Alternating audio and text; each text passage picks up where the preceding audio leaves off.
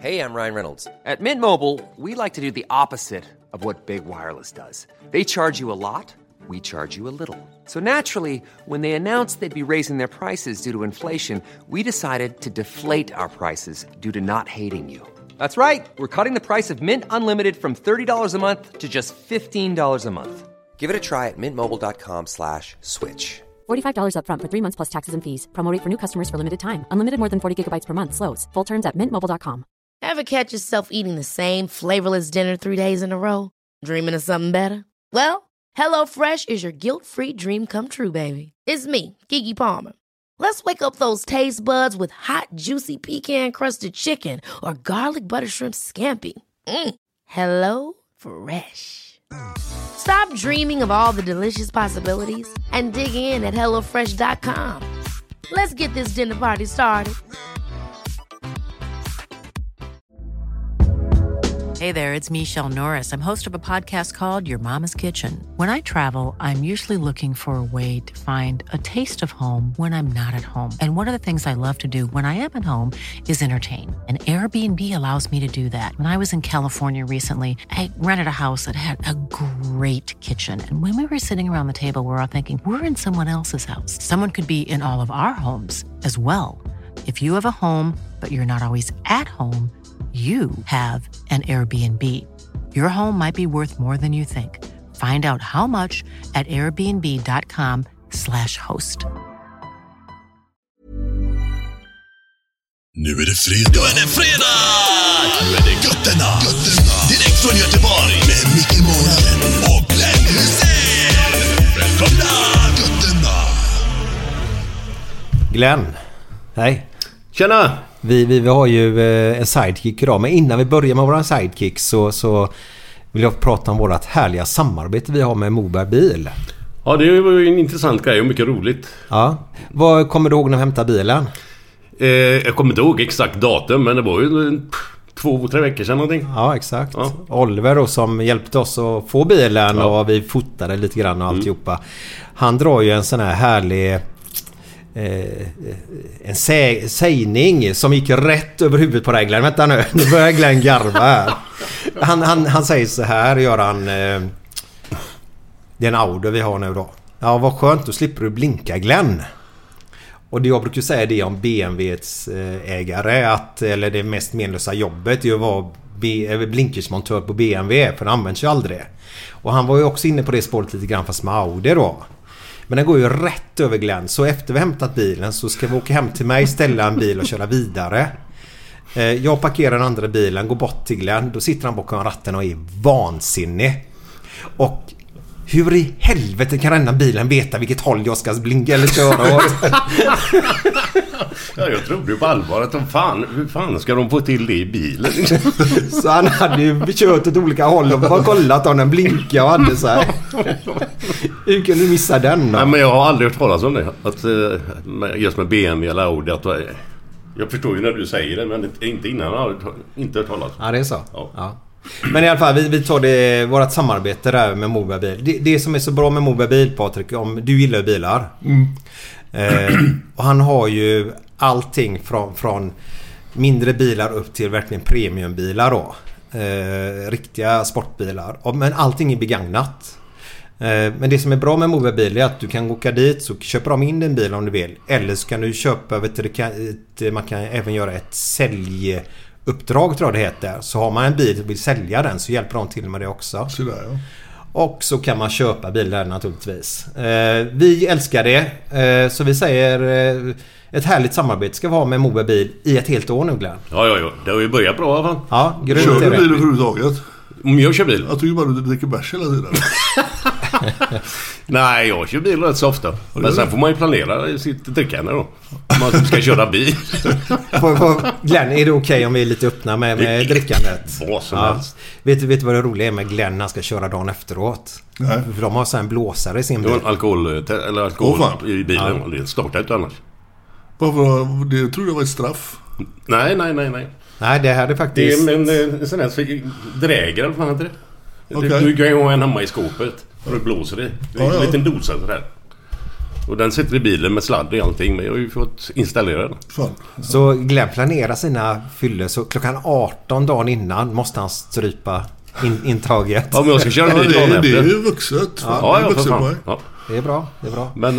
Eh, man, tänk dig så många gånger man har suttit i den jävla bilen och Ja. kört. Och man blir stoppad då så har du bara åkt åt helvete. Jag köpte en sån eh, eh, som snuten har, en sån blåsapparat. Mm. Och det var ju så jävla konstigt. Ibland tyckte man att nej, jag känner mig hur fräsch som helst. Jajamän. Och så var man absolut inte körbar. Och tvärtom då, jag skulle aldrig kunna köra nu. Nej, blåste man noll. Så att... eh, Oj. ja, det är riktigt Det är en jävla bra försäkring. kan Ja, det är det. Ja. Samtidigt, om man inte har en sån hemma nu kan man rekommendera då, då avstå istället. Alltså, alltså åka dit för rattfylla det är ju inget man kan vara stolt Jag tror över. att betala 10 eller 12 000 för att installera in den i bilen. Mm. Det är ju värt varenda krona. Mm. Jajamän. Har, har, har du åkt fast någon gång Patrik för rattfylla? Rattfylla, nej. Nej. Det har jag inte gjort. Eh, Fart. Fart har varit min grej. Det har vi läst många gånger. Men rattfylla, nej. Jag, jag tycker det känns lite jobbigt. Eller så när man känner sig bakfull som fan. Nu är det länge sedan jag var det i och för sig. Men eh, det har inte riktigt känt att man har större lust att köra bil ändå. Då. Nej. Det, jag vill vara med när jag kör tycker jag. Det är lite roligare då. Ja, det är det. Vi, vi var inne på samarbete där. Eh, vi, först ska vi säga då Patrik Sjöberg är våran sidekick Om ingen har fattat det redan. va? Glenn fattar inte det. Ja, men Glenn inte hit till slut i alla Ja, fall. gjorde det. Ja. Vart bor Patrik Sjöberg? Ja, jag åker Ja, men vi var ju ut i där och spelade in adress. den Så för- jag vet ju att vi har varit här. Ja, Ja, ja adress. Var det på kartan hette den? Det tycker jag inte vi behöver säga va? Jag får klippa en liten pip där. Det kan vara bra om det Så är... säg mitt nummer och telefonnummer. Ska vi se, vad var det? 07... Ja, Ja. typ. Nej, men inte så för mycket. Men alltså, jag är fascinerad eh, av, av din karriär. Men har du lust, vi pratar samarbete här. Vilket har ditt bästa samarbete varit under din karriär eller efteråt? Eh, under karriären. Man gjorde mycket saker som inte syntes. Jag gjorde reklam i många olika länder som eh, inte då syntes i Sverige. Och det var oftast jävligt lätta grejer. Jag kommer ihåg jag gjorde ett avtal med Nippon Dentsu, ett japanskt företag. Jag hade ingen aning vad de sysslar med, men de är tydligen ett av världens största tillverkare av komponenter till bilar. Elsystem och så här grejer som man inte ens visste fanns i en bil. Och de eh, kontaktade mig i slutet på 80, typ 89, 90 kanske. där. Och jag var över i Tokyo, skrev avtalet och spelade in en reklamfilm. Planning for your next trip? Elevate your travel style with Quince. Quince has all the jet setting essentials you'll want for your next getaway, like European linen, premium luggage options, buttery soft Italian leather bags, and so much more. And it's all priced at 50 to 80% less than similar brands. Plus, Quince only works with factories that use safe and ethical manufacturing practices. Pack your bags with high-quality essentials you'll be wearing for vacations to come with Quince. Go to quince.com slash trip for free shipping and 365-day returns. Hiring for your small business? If you're not looking for professionals on LinkedIn, you're looking in the wrong place. That's like looking for your car keys in a fish tank.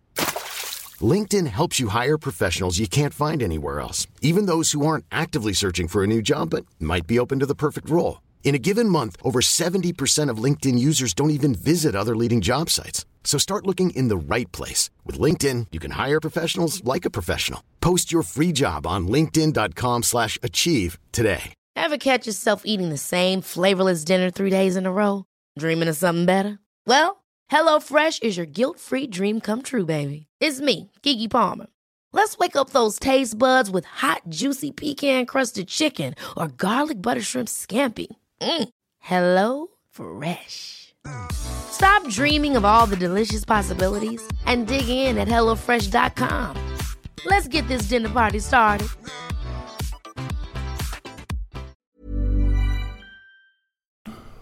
I en eh, filmstudio där jag fick hoppa. De hade eh, sån här eh, svart fondvägg som de kunde lägga in eh, med dator efteråt. Ja, det. Ja. Ja. Jag fick göra, jag gjorde nog, eh, jag fick jävligt ont i ryggen och jag gjorde nog en 40-50 hopp på ett golv som inte var anpassat för höjdhopp. Som de då Jag visste inte vad jag gjorde reklam för. Jag visste bara att de betalade jävligt bra. Och eh, det avtalet det är ju sådär man, man gör på, det var en vecka, ungefär ett veckas jobb. Och behövde inte bry sig mer sen. Eh, De andra avtalen man hade de drogs alltid över ett, två, tre år. Och det, det var liksom, krävdes mycket mer. Men, men den veckan där, vad, vad, vad tjänar du? Eh, vad fan hade jag? Då på den tiden 150 000 dollar. Eh, det var rätt mycket på den tiden. Så att... Eh, Ja, men runt en mille då kan vi säga. Om vi räknar lågt. ja, jag tror då dollarn stod nog i 9 spänn då. och sånt där, Ja. Så att det var lite mer än... eh, Och det tyckte jag var ganska okej för... Jag fick ont i ryggen i och för sig. Riktigt Ja, det är för ont. Ja, det är jävligt. fan. Nippon heter det i Japan på japanska. ja precis. Ja. Glenn, har du gjort något bra avtal? Du har ju faktiskt gjort reklam för en gammal 740 en gång i tiden. Ja, är någon blåvit eh, historia va? Ja, Eller? vad fick du för det? Inte någon. Vi Nej. fick knappt någonting. Det var fan inga sådana grejer som du snackar om. Vad är ditt bästa reklamuppdrag då? Unibet måste du säga nu. Ja, men det, det är väl det som jag har... Jag har varit här så länge nu. Så att det är väl det jag har tjänat mest på. Yes. Och det Förutom funkar jävligt bra med... Ja, det ska ha varit då kanske på... Um, vad fan hette de? Eh, Vitvaror uh, ute i mun. Uh, Ja, just det. Du reklam för ky- kylskåp och Kylskåp och grejer. Vad Ja. fan hette det? Ja, men tjänar du så mycket pengar på det då? Ja, ja, det var bra betalt. Asså? Ja, ja, för fan. Han Janne som eh, ägde Ja. det där, han var en jävla bra gubbe. Okej. För jag vet ju vad du fick ungefär när du gjorde för mat.se. Jaha, ja det kommer jag ihåg. Nej okej, nej. Jag, jag kommer ihåg i alla fall för jag blev chockad att det var sådana pengar. Okej. Kommer du ihåg att du har gjort det? Jo men alltså mat.se. Var det den? Vi spelade in Mat någon... fick du då. Jo, men vi spelade in en grej ute i... Vad fan var det? Ute i Frölunda någonstans. Var det den? Ja, en villa När det kom en, eh, en eh, utländsk gubbe som skulle leverera käket. Ja. I en villa där ja. Ja, det var de. Ja. Ja, vi, vi, vi säger att det var 60 sen behöver inte säga mer. Nej men det var det. Ja. Absolut. Absolut. För en dags jobb, det är hyfsat. Ja, lite mer var det nog men... Ja. Men det är bra det var alltså. Ja, ja, nej det var skitbra. Ja. Men vad härligt. Men vi är ju här för att prata bland annat eh, till din nykterhet då Patrik. Som, som jag är otroligt imponerad av. Den sista jag trodde skulle bli nykter. Eh, eh, ja men du, du har alltid... Jag är född 71 och du är 65 va? Ja. Jag har alltid legat under det så jag har alltid alltså... Jag har följt din Hur lät karriär. det? Det är precis. Ja, men vå- våningssäng för fan heter det. Ja, det är den. Ja. Eh, Så jag har alltid följt din karriär där. Ja. Och eh, jag gillar ju din bok enormt mycket att lyssna på i ljudbok när jag sitter och kör bil. Eh, Och du, du, du har ju en identitet som är ganska macho. Eh, Mycket fest. Gillar personer som är lite mer, inte den vanliga flata, eh, de där tråkiga gubbarna. Utan lite mer, vad ska man uttrycka sig? Hjälp mig gärna. Eh, Nej, du får Ja, köra. per- perso- personligheten menar. Ja, exakt. ut Lite, lite lite, udda personligheter och sånt då. Eh, och när då jag hör att du har blivit nykter så blir jag otroligt förvånad och imponerad. För jag trodde inte du skulle lösa det. Nej, det var väl inte riktigt planen från början heller utan det var... Jag ville komma bort från ehm, det destruktiva i... Jag kallar det fortfarande för festa men det var ju inte fest. Det var ju liksom... eh, Det var inga roliga dagar efteråt. Det var, inga, det var så knappt några roliga incidenter längre utan det var eh, ett tvångsmässigt drickande och festande som Okej. gjorde att jag... Jag var trött på att vakna upp bakfull. Jag tyckte inte det... Det var inte så här liksom tonårsgrejer man kunde ringa runt och tycka ja fan vad roligt det var igår och ja, kommer du ihåg det vad du sa till han och kommer du ihåg det hon som kom dit? Alltså Ja, inga sådana grejer längre. Utan det var bara djup ångest. Men kommer du ihåg någon speciell, speciell händelse eller någonting som du fick dig att bara... Nu tar jag steget ut och nu, nu kör Ja, jag. du var ju med då faktiskt. När var det? Din eh, fotbollsresa ner till Helsingborg. Ja, jag vet. Man gör ju några sådana på ett år. Men, Ja, men Ja, men det... men jag kommer inte ihåg vad som hände just då. Alltså. Nej, alltså det, jag fick en tankeställare och det var ju många eh, blivande komiker som de trodde i alla fall som skulle ha mikrofonen och berätta den ena sämre historien än den andra. Jag tror du och Ruben Svensson, eh, Var de som stod mest? alltså ni stod ju upp hela tiden och du drog bara sådana här råperversa. eh, Som, alltså det, det fanns ingen... eh, Alltså det fanns ingen p- stopp på, på vad du kunde hitta på. Och Ruben var helt... Det var sådana här eh, historier om eh, gamla lärare och vet inte fan vad det var för något. Ja, Trä-Hitler var detta eller? Ja, du ja. Trä-Hitler. Jag har faktiskt filmat några grejer när du står och, okej. och eh, förklarade hur... Det var den här två knän åkte till Paris. Som du, Två knän? Ja, som du inte fick till alltså. Det var, det var någonting med att de skulle säras och stängas. eh, Vad sa det ena knät till det andra Nej, knät? men du tänker inte på det här med blyglapparna? Ja, det kanske det var. Ja, de. De satt och snackade på planet. Ja, Ja, så var det. Ja, Ja, ja. Dra ja men det var ju två blyglappar som satt på planet i Ibiza. Och så säger den ena till den andra. Ja, då syns vi om två veckor. Så var det. Ja, den, har, den har jag inspelad. Två knän. Ja, jag får mig. Det blir väl samma sak nästan. Det var långa blygdläppar. Ja. Ja, nej, skämt åsido. Nej, men jag kände väl... Eh, Nu är det, nu är det nog. ja, det här växte ju fram under hela det året. Det är två år sedan nu nästan. Och jag bara kände... Dels när jag slutade så hade jag väl en målsättning att hålla mig ren i några månader och se hur, vad som händer. Och ju längre tiden gick desto skönare blev det. Och, um, idag så saknar jag inte dricka. Det, det skulle vara någonting extremt uh, som jag skulle sätta mig och, och liksom ta en fylla. Uh, jag kände väl inte varken det kallet eller... Jag brukar resonera så med att så mycket skit jag har gjort, mycket roliga grejer, mycket galna grejer. För att eh, bräcka det, det går inte. Så jag är ju fullt medveten om att det kommer inte bli roligare hur jag än uh, vrider och vänder på det. Är det, är det lite grann det där om man är på en fest som man gör roligt så stannar man en stund till för man tror det ska bli ändå roligare. Och så blir det inte det. Nej, det blir ju inte det. Och eh, det blir att man hittar på. eh, Man försöker då snacka upp kvällen innan.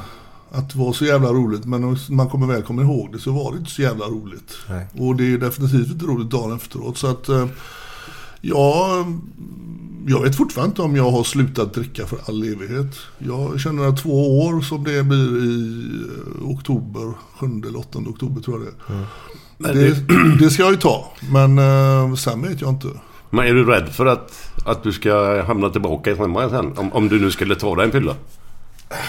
Eller rädd Jag känner, jag, Lasse? mig, jag känner mig själv. Det, eh, det var destruktivt sista åren tycker jag. Det var inget roligt. Nej. Dit vill jag inte hamna igen. Och eh, det är en bra mått på motiva- motivation. Att, att har man insett att det inte blir roligare, har insett att eh, det, det hämmade ju mitt, eh, hela mitt liv. Yrkeslivet. eh, Det blev ju att man satte på sig ett jävla filter som... Ja, jag intalar mig själv att jag, jag tar ledigt resten av veckan. Så, så behöver jag inte göra den föreläsningen där. Jag behöver inte åka dit på det mötet. Jag behöver inte göra de här grejerna.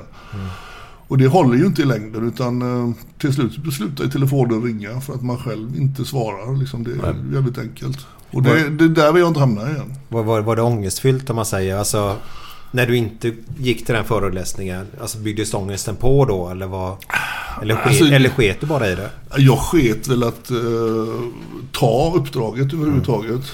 Eh, om jag då hade tagit, jag hade väl uh, stötvis ganska bra bokningar då. Och då eh,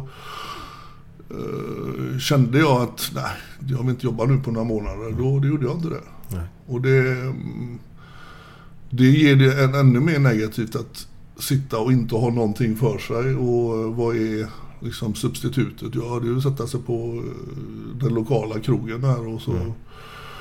Och det är lite så här jobbiga grejer. Jag vet inte hur du har det Glenn, men när man kommer upp på Landvetter. eh, Flygplats är det enda stället där man kan legitimt dricka oavsett vad fan klockan är, vilken dag det är. Ja, ja, ja. Och det är liksom när man då som jag flög till Stockholm kanske två gånger i veckan, tre gånger i veckan ibland. När man kommer gående mot baren där liksom redan eh, bartendern är på väg att hälla upp en öl och ställa fram en Fernet. ja. Och det är liksom eh, tisdag morgon, kvart över sju.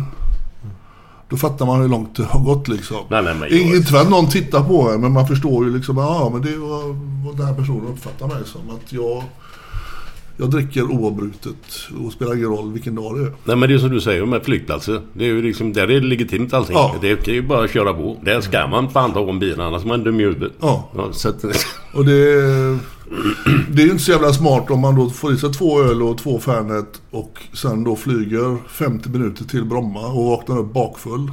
Liksom, det, det har hänt allt för många gånger. Och det, när man tänker efter så är det ju inte så jävla varken tufft, ballt eller roligt.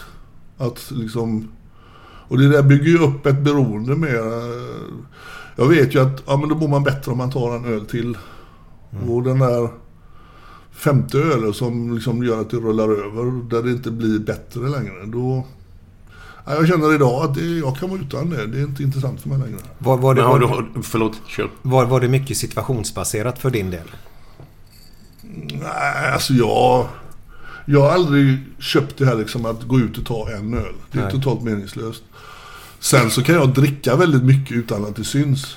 Ja, det är Glenn också kan jag säga då. och det är liksom... Det är eh, Det, Det är inte bra alls. nej, man har ju byggt upp då en, eh, en tolerans som... eh, Och när det inte är roligt längre.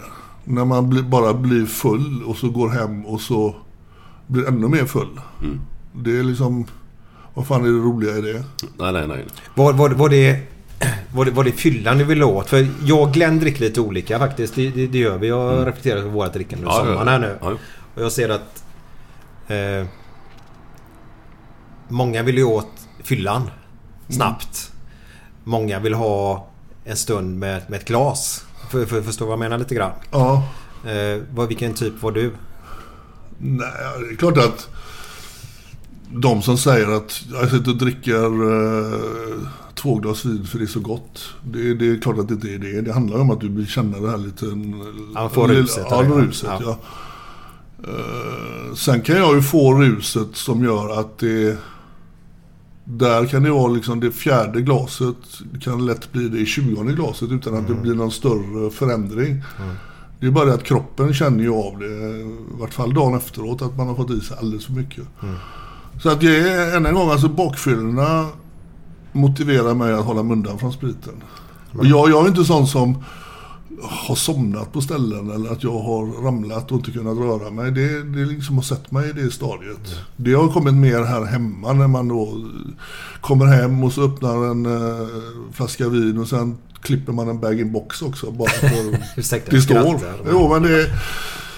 Så att min hund har ju sett mig i olika stadier liksom. Och, Men han säger inget va? Nej, det är ju det som är så hemskt att han... eh, Jag har ju vaknat upp både på toaletten och eh, under bordet och, och där han ligger liksom och kur- kur- kurat ihop sig bredvid mig. Och det... Det är liksom ingen... eh, Det är inga stolta ögonblick. Nej. När man inser att man har sovit på nedanför soffan istället för som man trodde då soffan. Och, det har aldrig hänt att du har liksom sabbat ett, ett jobb som du skulle göra eller eventuellt dagen efter då, att man är för trasig för att kunna klara av det liksom. Och, och är där ändå kanske gör bort sig lite grann. Eller- nej, jag har väl inte, Nej. inte gjort bort mig kanske, men jag har ju definitivt varit bakfull på, på många eh, jobb. Eh, det vet ju du, på, på farmen. Kan, kan, kan då, vi... då lyckades vi vara bakfulla fulla utan ens ha tillgång till sprit. Ja, grejen är så att jag har ju hört nu i ett annat eh, segment där du har berättat lite grann om det faktiskt officiellt. Mm. Eh, du har varit inne på det lite grann också vet jag. Där. Har, ni, har ni lust att berätta om Farmen där? Ja, det är väl inte så jävla mycket mer att berätta om att man...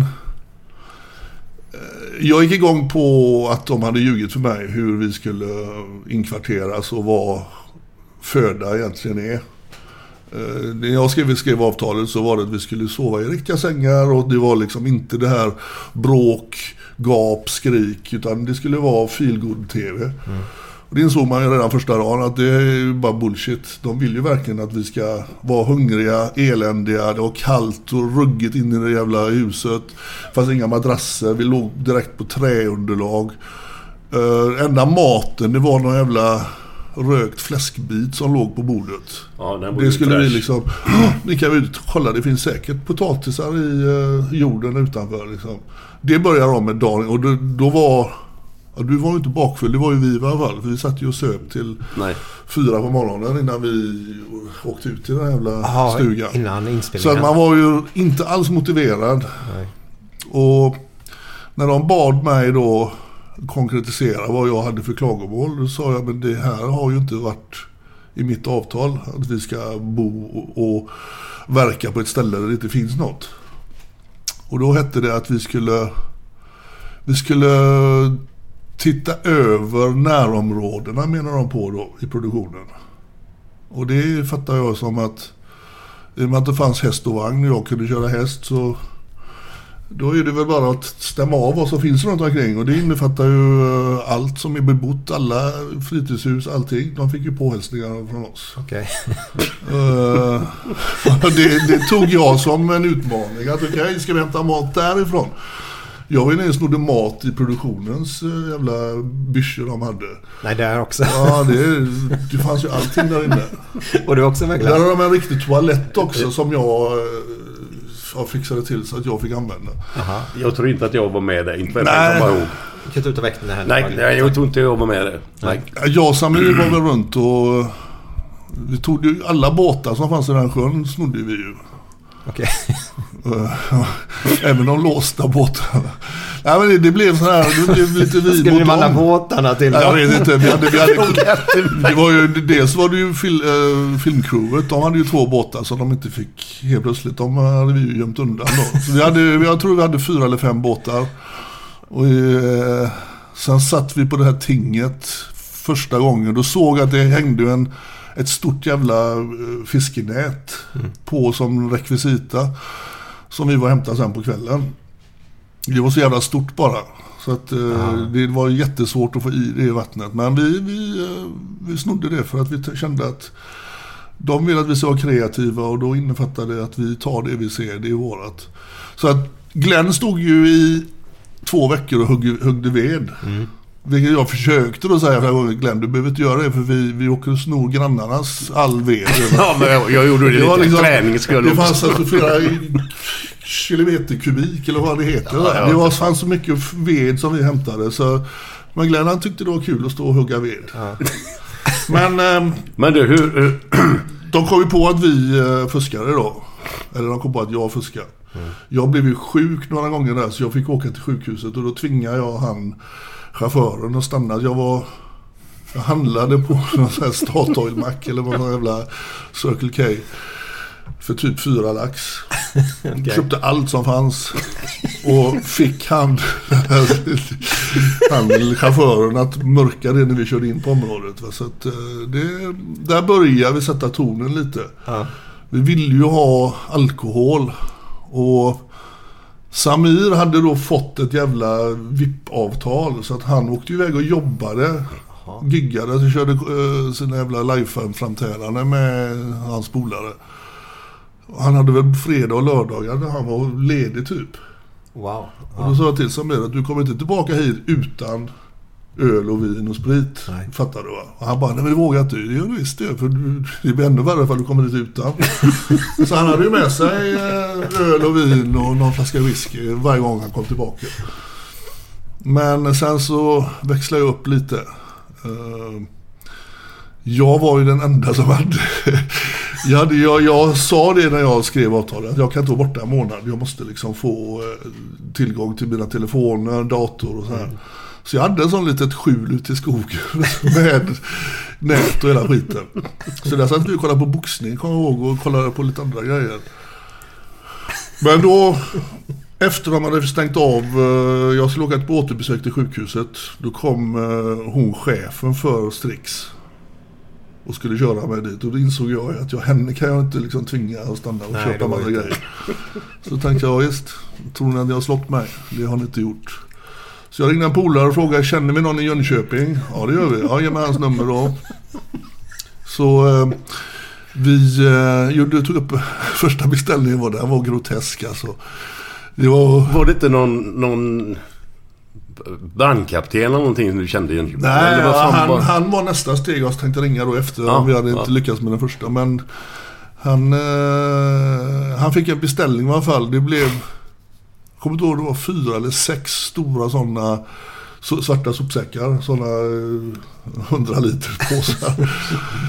som han åkte och lämnade. Jag, det blev lite fel där för att det fanns två ingångar till våran eh, jävla torp. Ut, utåt i Tjotahejti i skogen. Och jag skulle göra en sån här Google eh, Map med en sån nål. Ja, det. Det var bara att den, den flyttade sig hela tiden. Så att du var med första gången och hämtade Jag maten. kommer ihåg när vi gick och slet på den här svarta bägaren. Ja, vi, ja, men vi, vi letade ju som fan först efter det. Men låg de inte under granar? Jo, jo, jo, visst. Han hade ju märkt ut dem och skickat bilder till mig. Så det var riktigt avancerat. Men där hade vi ju då en stor beställning från systemet eh, med allt vad önskemål fanns. Till, alltså ner till eh, så här löjligt. Någon skulle ha en pincett och någon skulle ha sådana här. Alltså alla var med och Ja, bestämde. ja, visst. alla- Och jag gick ju runt och tog upp beställningar. Så att det slutade med att vi hade ju, när vi hade den här jävla aktionen. När Ja, vi skulle- sånt också. När vi skulle stå och kämpa för att få köpa lite grejer då liksom. Jag bara stod och tittade, vi har ju fan så mycket gre- bättre grejer inne i huset redan. Så det blev sådär antiklimax liksom. Ja, ah, jag tar väl den jävla, jag- jag köper Men den. den blev lite liv någon gång. Kommer fan inte ihåg vad som hände. Att, att, var det någon av de här som blev lite småförbannade över sådär eller? Eller av- ledningen menar jag. Ja, de, det var därför de slängde ut mig. De För det var ju, det var ju två som sa upp sig under tiden alla fall. Ja, de klarar inte av De tempot. Klarar inte av... Ja, solen i kommer säcka. Nej, men det, det, det roliga var ju då att vi... eh, Vi hade ju... Det sa jag till direkt. Nu när vi, vi hade ju tvätt... Det, det skulle vi haft också. Vi borde ju ha haft då diskmedel, tvättmedel och sånt. För jag menar, jag blev ju sjuk. Jag fick ju eh, stafylokocker för att det, det, det, liksom, det fanns inte... Ja, man kunde inte tvätta av sig riktigt. Nej. Så att det fixade jag ju då, diskmedel och sådana här tvålar och grejer. Men det går inte att ha det stående framme. Så jag sa ju till dem att se nu till att ni häller upp det i någon mugg eller någonting och inte ha då en Ajax-pump som står bredvid disken och ingen diskborste. Liksom. Och det hade de ju reagerat på då. De hade ju fått klippa bort massa grejer som de hade filmat då på dagarna. Och då var det ju, vem har gjort detta? Det var ju givetvis jag då. Så jag fick ju sådana påtryckningar. Jag sa, jag vet ingenting. Jag satt längst bak i bussen. Jävla fördomar de har. Ja, ja, jag sa det. Det är, jag är alltid på, påhoppad. Men eh, det var ju en incident då. Han var ju några gånger och han fick ju leverera var tredje, fjärde dag så kanske då. Och det funkade ju skitbra. Vi åt ju fantastiskt gott alltså. Ja, ja. Ja, hur de missade att vi hade pasta varje dag, det fattar jag inte. Och vi hade kött och vi hade liksom eh, rubbet. Och så sprit med då givetvis. Så det var ju en som jag inte vill nämna vid namn. Jag låg och sov då, klockan var sju, åtta på morgonen och det kommer upp en till mig och säger att det står en eh, herre här nere och är full. Nej. Klockan är åtta, halv nio på morgonen och de skulle bara filma oss då. Så jag fick ju uh, gå ner och ta den här farbrorn i örat och förklara att det här ser inte bra ut. Och de ska göra en synk på dig, alltså en intervju och du är på fyllan. Alltså det får du gärna vara för mig. Jag har inga moraliska aspekter i detta. Men vi har ingen sprit i huset. Så det, ja. Men det finns ju svampar som ryker och sådär som man kan få upp i näsan. Ja men du stod ju och svamlade va? Du, stod ju, du, var ju, du var ju dyngrak. Och jag kommer jag kom ihåg när du, Jag säger- du, vet. du sa... Nu visar du dig inte ute på förmiddagen i alla fall. Åh, ska jag gå upp och lägga mig då? Ja, det får du fan göra. Det, var det då du spydde? När du var sjuk? Nej. Du gick ut nej. och spydde någon gång i serien? Ja, det, det Okej. ryktas om att det var en kombination också. Det Okej. kan ha varit Men det sur mjölk och brukar- det kan ha varit... Det brukar jag göra jävligt sällan bara. Så vet. Men, eh, men det är möjligt att det händer. Men det var, det var ju rätt komiskt då att det enda vi inte, eller vi hade ju ingenting i huset enligt eh, produktionen. Så att hur en då lyckas vara kanonfull redan på morgonen. jag försökte, de tog, de tog in mig och började förhöra mig då. Jag sa att, ja men nu var det så att vi vann ju faktiskt två flaskor vin. Och de har vi inte druckit upp. Och det, det hade vi säkert inte heller för de hade ju hällt över det i några jävla karaffer. Så vi hade ju mycket bättre grejer liggande i huset. Men det blev ju en halvräddning där då. Att det var ju så att vi drack inte upp den ena flaskan. Och den råkade ju Glenn springa över då klockan sju på morgonen och kände att fan vad gott med lite ljummet rödvin. Ja, fy fan. Ja, roligt var det. Ja, så... Eh, nej, vi hade det bra där. Jag tyckte det Jag var... tyckte det var skitkul hela, hela grejen. Men det är, ju, det är ju inte första programmet som... Det är väldigt roligt när det är med Mästarnas Mästare där. Med, med Brolin och gubbarna. Ja, men eh, det, Det- är därför de var med mig i programmen. De, Ja. de försökte spela att de var jättearga på mig. Men Det hände ju något liksom. Det är det ja, jag vill ha. det, det hade de kunnat göra en rolig grej utav. Att de kunde liksom, men nu kom de och blåste på ordentligt. Och jag, det var ju också lite jobbigt för den dagen de slängde ut mig, då märkte jag att någonting, för då hade jag varit och hämtat fyra sådana sopsäckar borta vid gränsen. Och fick möte med produktionsbilar. Och de undrar ju vad jag gjorde med den här jävla vagnen. Ja, var det med hästvagnen? Ja, hästvagnen. Det var ju den ja. Och ena bilen, det- var ju jättesmala vägar, skogsvägar. Så att vi fick ju möte, där kunde inte de passera. Nej. Och när man sitter i häst och vagn, då är det liksom bilarna som får anpassa sig. Vilket han då inte fattade, så han kör ju fram mot hästen och då får ju hästen panik. Och börjar backa. Och när häst börjar backa då är det liksom eh, Dels så den här vagnen den var ju sån här ledbar då. Så den svängde ju rakt ner i diket. Och hästen fick superpanik. Jag hade med hon Klara Svensson också. Boxaren ja. Ja, hon fastnade i kanten på den här träkärran och höll på att knäcka hela benet. Hästen fick jag hoppa fram och lugna ner. Och han från produktionen han kom fram och började gapa och skrika. Det gjorde hästen ännu mer nervös.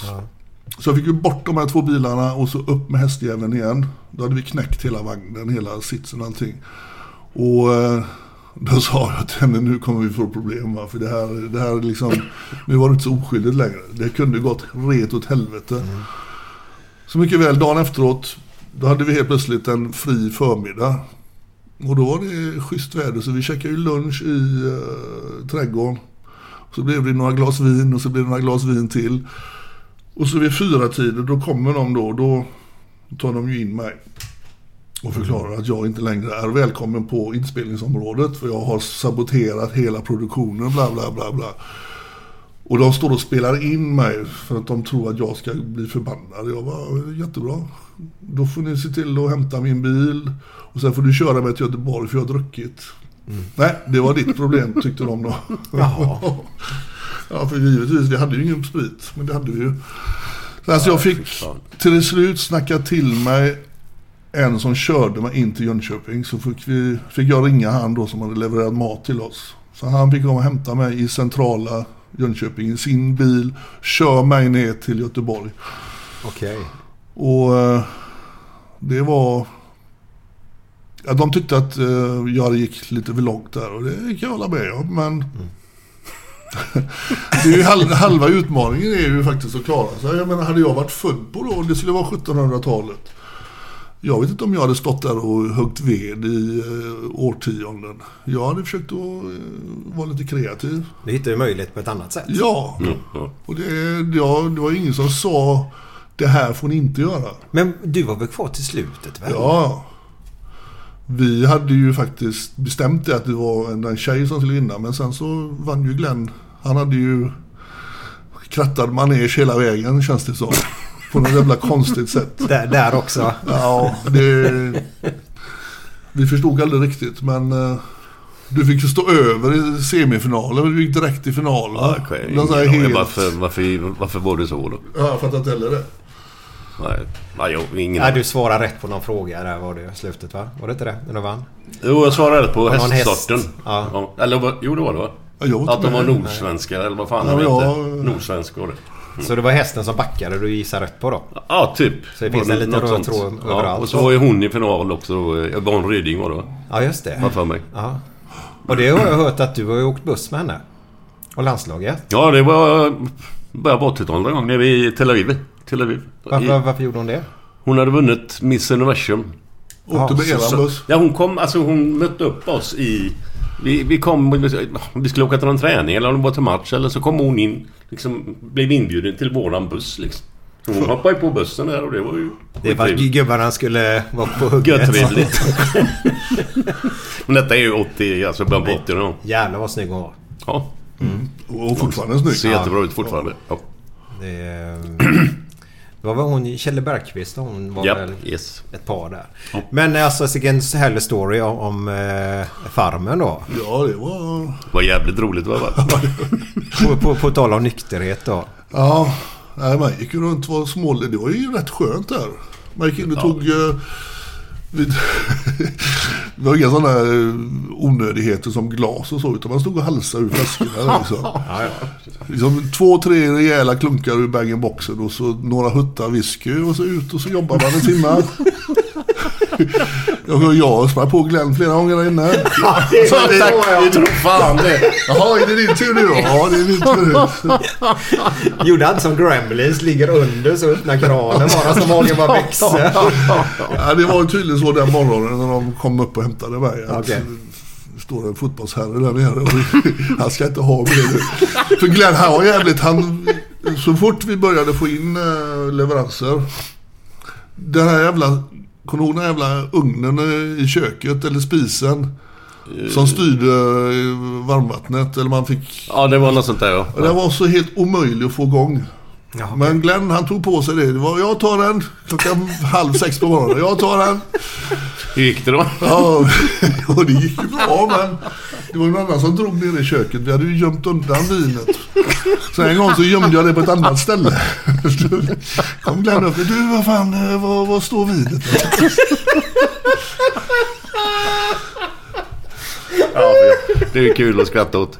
Ja, men Du får berätta en grej också om Liverpool. Ja. Han går ju upp klockan... Han har ju spasmer på morgonen. Eh, klockan sju eller något sånt där. Eh, går han upp. Tidigt som han. Ut och går säger han. Ja, men det gör ju. Ja men så lägger jag mig så somnar jag igen. Så vaknar jag där vid halv nio. Då ligger han och dricker mjölk i sängen. Men det luktar inte mjölk, det luktar whisky över hela rummet. Jag har köpt en liter mjölk och en liter whisky. Inte klockan sju på Ja, morgonen fin- han var lite finesser. Ja, Men det kan vara tolv på natten någon annanstans. Ja, ja, det är sant. Det är sant. Så, så kan det vara.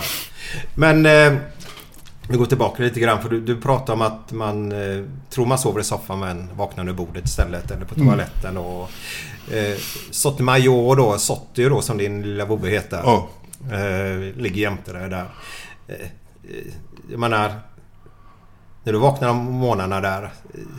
Du är inte frack eller? Nej, det då mår man inte riktigt bra. Och det hjälper ju inte att man vaknar upp då när man inser att man har bara domnat av någonstans. Det kan ju vara inne i sängen också i och för sig, men när man inte kommer ihåg riktigt hur fan, hur kom jag in och la mig här? Liksom.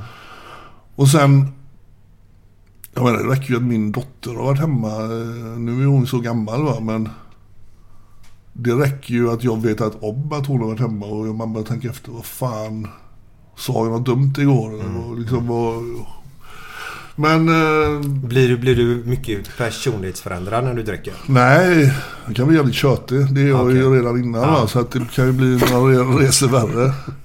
Men eh, nej, alltså det finns väl ett underliggande pro- problematik när man dricker för mycket. Som, eh, som jag har insett, särskilt nu när jag varit nykter i två år nästan. Att eh, det kommer ju från någonstans. Det är ju helt uppenbart att är man själv medveten om att det inte är bra det man håller på med och gör det ändå, då... då det är ju inte att jag inte har fattat att jag har druckit för mycket. Det har jag ju fattat. Att jag sen gör det ändå, även när jag inser att det här är inte bra. Det, det är ett missbruk som, som är farligt då. Får jag bara gå in på en annan sak där Patrik? Vi, vi ska... Det som du sa, det underliggande. Vi ska komma in på det eh, efter en låt vi ska snart spela här. Men den här resan vi var inne på att prata först. Så bara berätta. Det var ju innan Glenn gifte sig här nu. För han hade bröllopsdag igår. Han och Camilla en tvåårsdag. Grattis! Yes. Yep, thank you. Då åkte vi ju eh, bland annat, du var med då Patrik. Eh, Bobo Krull var ju med bland annat på resan. Eh, Niklas Andersson, komikern, var med. Det var Stig Fredriksson, Ruben Svensson. Eh, var Vad snackar du på resan nu? Ner till Helsingborg. Ja, ja, den. nere. Nej, jag undrar vad du kom Du var med, jag såg resa. Det var där med Det var ju då knäna. faktiskt... Ja, Kom, ja. Patrik, kommer du ihåg hur Glenn... För det var så att den här resan dit ner. Eh, så var ju bland... Ja, Kjell Wilhelmsen som, som, som är nykterist var med på den här resan till och med. Mm. Han var ju varit nykterist länge. eh, men kommer du ihåg hur Glenn presenterade dig när han ville att du skulle komma upp och, och prata lite? När han sa... Kommer du ihåg? Nej. Och så på bussen har vi också då Sveriges näst bästa höjdhoppare efter Stefan Holm. Sa jag ju då. Ja. Och så Var fick du det ifrån? Ja, jag vet inte vad man får jävla på. Ja, men det var ju på tal om läpparna där kanske. Ja. Eh, men den resan där så... så, så Jag kan säga varför jag var med på den resan. Mm. Det var att Bobo Krulls, eh, jag sålde in det som en, uh, vet du det, möhippa, nej vet du det? Svensexa. Svensexa. Så jag var ju absolut inte medveten om att vi skulle gå på fotboll och definitivt inte IFK som jag skiter fullständigt i. Jag är öjsare. Ja, ja, ja. Alla föds ju öjsare va. Sen så får ju ni en massa jävla problem och skit. Men alltså att hamna på en... Alltså det var ju oddsen att hamna på en bortamatchresa med ett gäng IFK-are. Ha? Snackar man som en AIK ja, alltså. ja, precis. Och man är ju tvungen att supa ner sig. För det hade inte gått annars. Jag såg inte en sekund av matchen. Jag Vad- satt, gjorde jag, jag, Jag satt satt i baren. baren? Ja, Jag okej. vägrade. Jag, jag vet inte ens hur matchen slutade. ni, eh, jag, jag kan berätta att eh, vi hade köpt VIP-biljetterna där uppe så det var ju bar och skaldjur och Ja, grejer. just det. Just det. Och de stängde den i halvtid, baren. Mm. För man fick inte dricka mer efteråt. Så vi beställde in ganska mycket i slutet. Men då i halvlek så tror jag du och Bobo gick ner och satte på en pub på utsidan istället. Ja, det är du. Mm, stämmer va? Ja, han var lite trög när det gällde sånt heller. Nej men alltså det är ju snacka om jävla nedköp. Att sitta i en buss ner tre timmar och så sen gå på en fotbollsmatch med IFK och sen hem. Och det roligaste är tycker jag lite grann. För ni, ni var lite dragna när ni kom va? Eh, Det var ju mycket möjligt. Ja. Klockan var ju, åkte vi åtta eller nio, åtta, Ja, det var ju nio tidigt, på morgonen där. Och så började vi ju direkt och så full fart. Men... Eh, Var det så tidigt kanske det var? Ja, det var tidigt var det. Ja, nog Och då var ju han med också, Robert, han filmaren. Ja, den lilla rödhåriga. Ja, Robban, ja. Ja, just det. Ja, ja. var jag med också. eh, det var ju att du la ju på din Instagram den stories. Ja. Att det var en svensexa. Ja, ja, ja. Så Filip och Fredrik tog ju upp det i deras podd. Jaha, okej. Att, eh, ja, rolig svensexa. Stå och dra massa fräckisar i en buss ungefär. Haha, sådär något. Eh, Sådär skrattar de åt. Men vems svensexa skulle detta ha varit då? Din. Alltså var det min? Du, du, De trodde det. Jaha. Ja, jag var helt... Bobba hade sålt in det som en svensk. Ja, just det kan bli roligt. Kanske bli över till Danmark och så här, aha, lite roligt. Nej, vi ska gå på fotboll. Och det roligaste var att du fattade inte det för vi var nere i Helsingborg. Va? Eller på, till och med på Lerus. Ska vi på fotboll Ja, också? jag, jag trodde det var någon som drev. Det var ingen, jag tänkte jävla gäng han hade tagit ihop till svensexan. Liksom, hälften kände jag inte. Ja, Det här, det, här, det här var faktiskt min eh, faktiskt gåva till dig i Ja, bröllopspresent. ja, ja, ja. var det. Yes. Jag vet att du älskar sådana här gubbresor. Ja, ja, ja. Fan, det. Ja, det var riktigt roligt var det. Det var skitkul. Men hur, hur mådde du då? För du var... Nu när jag tittar på dig, du har biffiga armar. Men jag har för mig att... Mitt minne av dig den resan, att dina armar var inte lika stora som är idag. Nej, det stämmer nog. Du var väldigt smal då. Jag har ju tränat till och från under eh, alla åren efter jag slutat tävla då. Men eh, just då, för två år sedan, då hade jag en tung period där jag inte gjorde någonting säkert på över ett år. Och jag, när jag inte tränar då tappar jag i vikt så inåt helvete. Jag, Ja, ja. jag måste röra på mig annars så... Så att, eh, nej jag var säkert, nej, jag var ju absolut inte i form Nej. på den tiden. Nej, och det är en och en halv månad innan du blev, tog steget. Ja. Då. Vad var det, bara sista där innan vi, vi, vi släpper nykterheten där. Eh, vad var det som fick dig... Hur, hur, hur hittade du till Norrland? Hur hittade du... Vad var ditt sista steg att nej, nu gör jag det här? Jag, eh, jag håller faktiskt på, jag skriver en, bok, en eh, uppföljare till det du undersåg. Där jag går in på hur och varför och Ja, gör det. varför just det blev Norrland. Men jag kan, utan att avslöja för mycket, så beror det väl dels på att jag hade tre föreläsningar uppe i Norrland eh, veckan efter faktiskt. Eh, var på den här berömda fotbollsresan. Och eh, Det var... Jag känner en tjej där uppe så hon, eh, hon var chaufför för mig lite där. Så att jag fick eh, se lite utav den norrländska bygden med. Men hon såg ju hur jävla dåligt jag mådde. Att jag inte var i form överhuvudtaget. Och eh, när jag kom tillbaka ner till Göteborg då var det mer fest. Och jag kände, jag mådde inte bra alls. Någon gång där hade jag pratat med henne på telefon. Jag kommer inte ihåg riktigt när det var. Men eh, hon sa bara till mig, "Ja, jag kommer ner och hämtar dig så får du vila upp här uppe. Det där glömde jag ju totalt av. Så hon stod bara och ringde på dörren några dagar efteråt. Oj.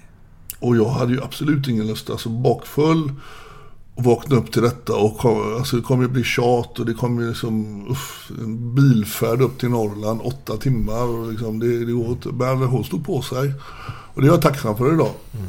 För ja, jag försökte med allting. Vi, vi tar det imorgon, du får sova över här så, så åker vi imorgon. Och det var ju bara att försöka köpa tid. Men eh, väl uppe där då då insåg jag hur jävla dålig form jag var i. Både liksom rent fysiskt och mentalt. Så första två veckorna. eh, Jag sov nästan bara. Sov och åt, sov och åt. Och, eh, sen tog jag hjälp av en eh, beroendeläkare. Där jag fick ett eh, program att gå efter. Både med medicin och även med samtal och, och hela skiten. Och det hade jag inte gjort här i Göteborg. Det kände jag. Det, det är för mycket som eh, som rycker till höger och vänster. För mycket minnen också säkert. Ja, och det är så lätt här med man går ner på gatan och jag menar det jag, när jag var ute med Soto på, på kvällarna. eh, Jag gick förbi de här ställena här borta. Det blev en öl på ena stället och två öl på nästa. Och så han var ju VIP-gäst redan eh, när han var liten Soto. Va? Han, jag menar det är som är fördelen med hund. De, de trivs ju var de än är någonstans. Ja.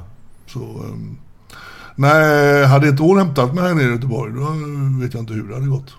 En eloge till henne. Ja. Men Glenn. Är du fredagskänsla? Japp.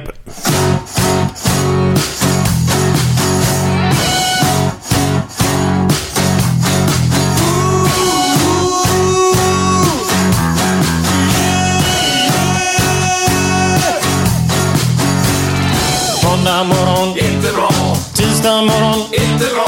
Onsdag morgon, inte bra. Torsdag morgon, det är inte bra. Fredag morgon, lite. Fredag lunch, mycket. Fredag eftermiddag, underbart. After work med karaoke. Man får en öl och pyttipanna. Fredag kväll och livet leker. Man kan inte säga annat än att jag har det gött nu!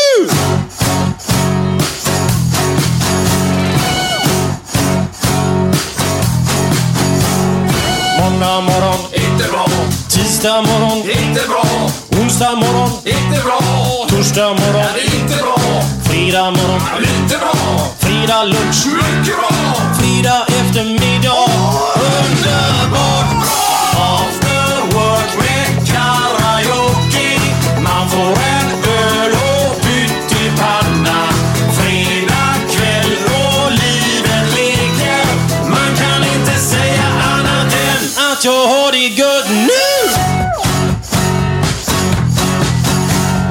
Ja Glenn, eh, nu är vi tillbaka igen då. Efter En härlig låt. Vad heter den?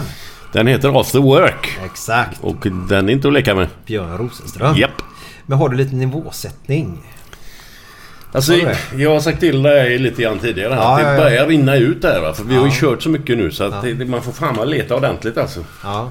Eh, Men Patrik inte börja bli drabbad av det. nej, nej, nej, nej, Nej, nej. nej, Eh, Jag får bara säga, tänka lite... Ja.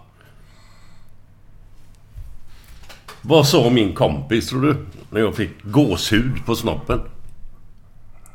Ja, Frågar du mig det? Ja, ja. Snälla, ta bort gåsen. Sa han. Jag fattar ingenting.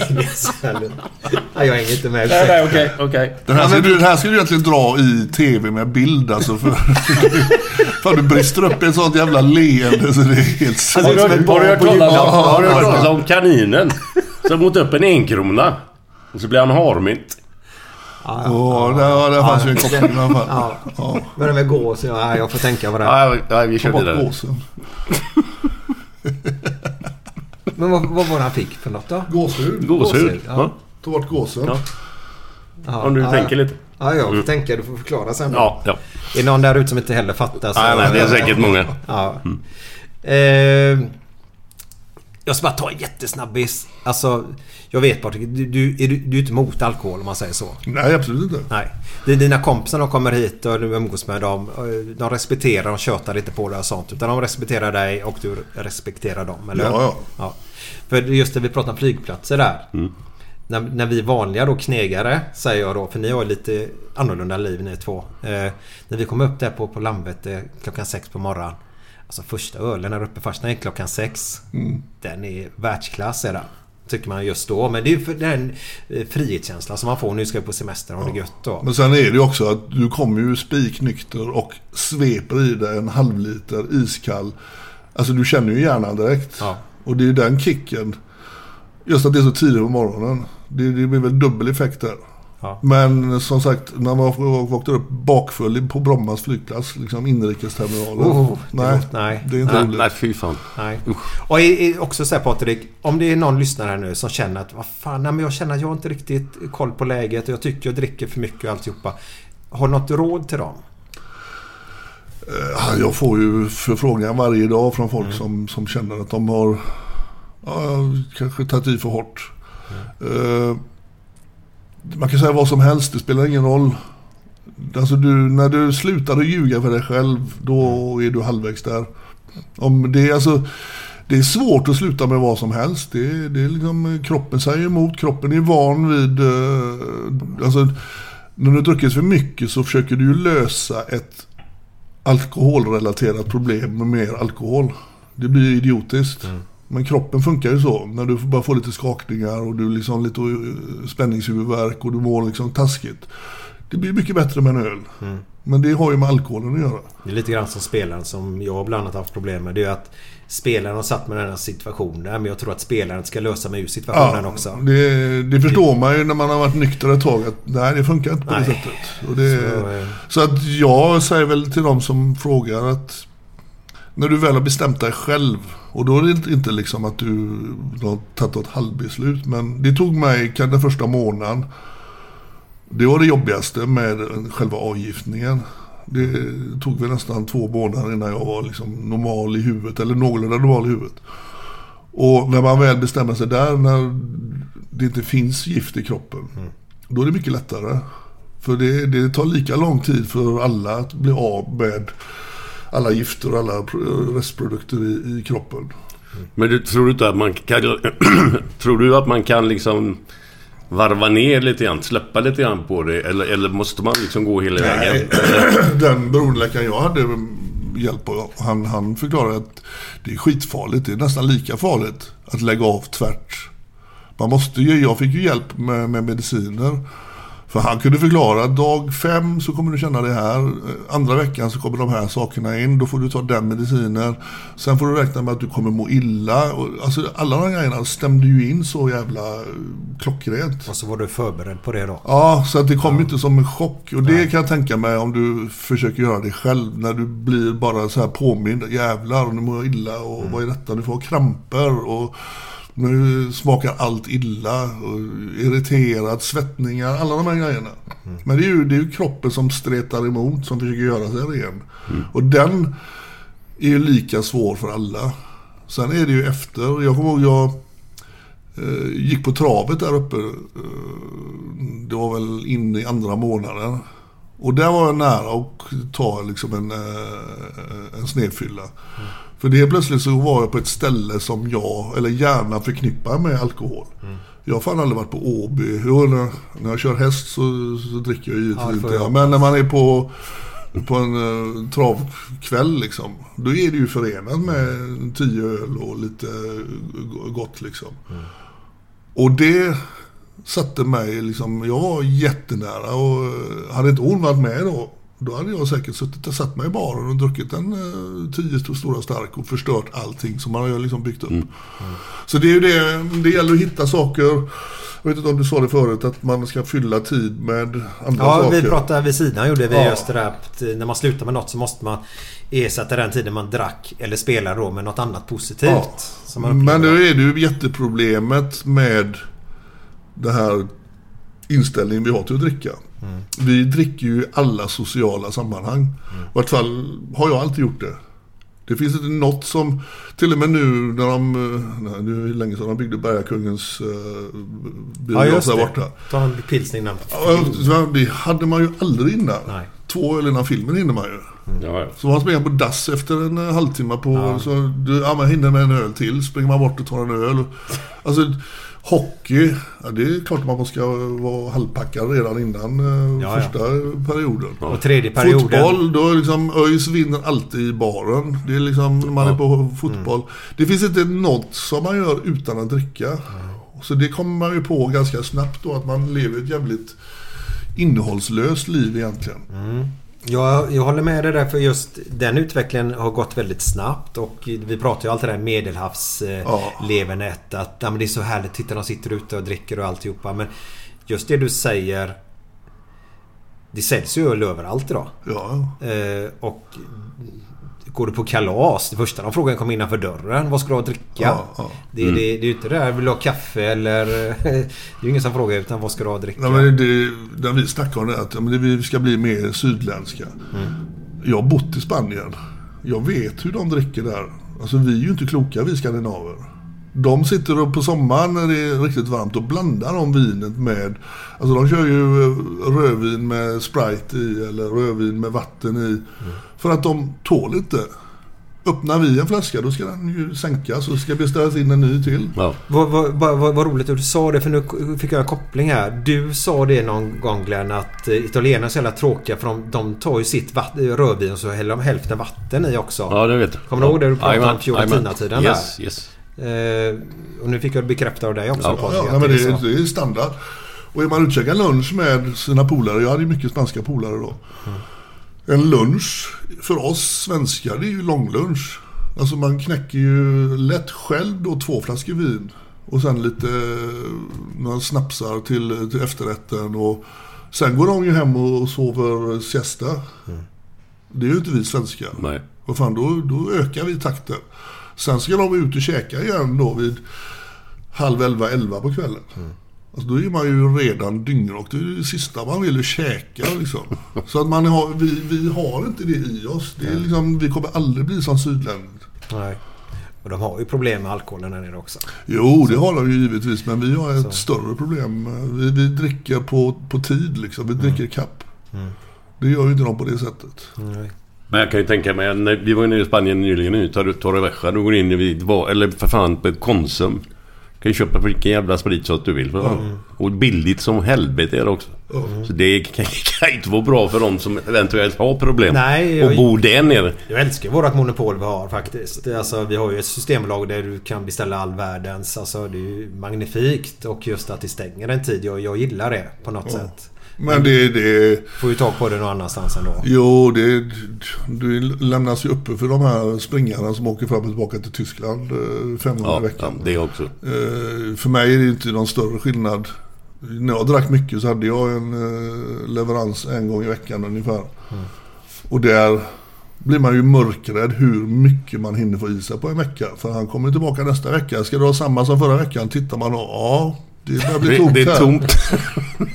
Och eh, då tog jag nästan aldrig öl för det var så jävla skrymmande. Han hade ju kunnat, han kunde leverera till eh, tio lock öl till någon jävel. Det vill inte jag ha. Så det var ju eh, åtta helrör, eh, rom, vodka, whisky, konjak. Oj. Liksom.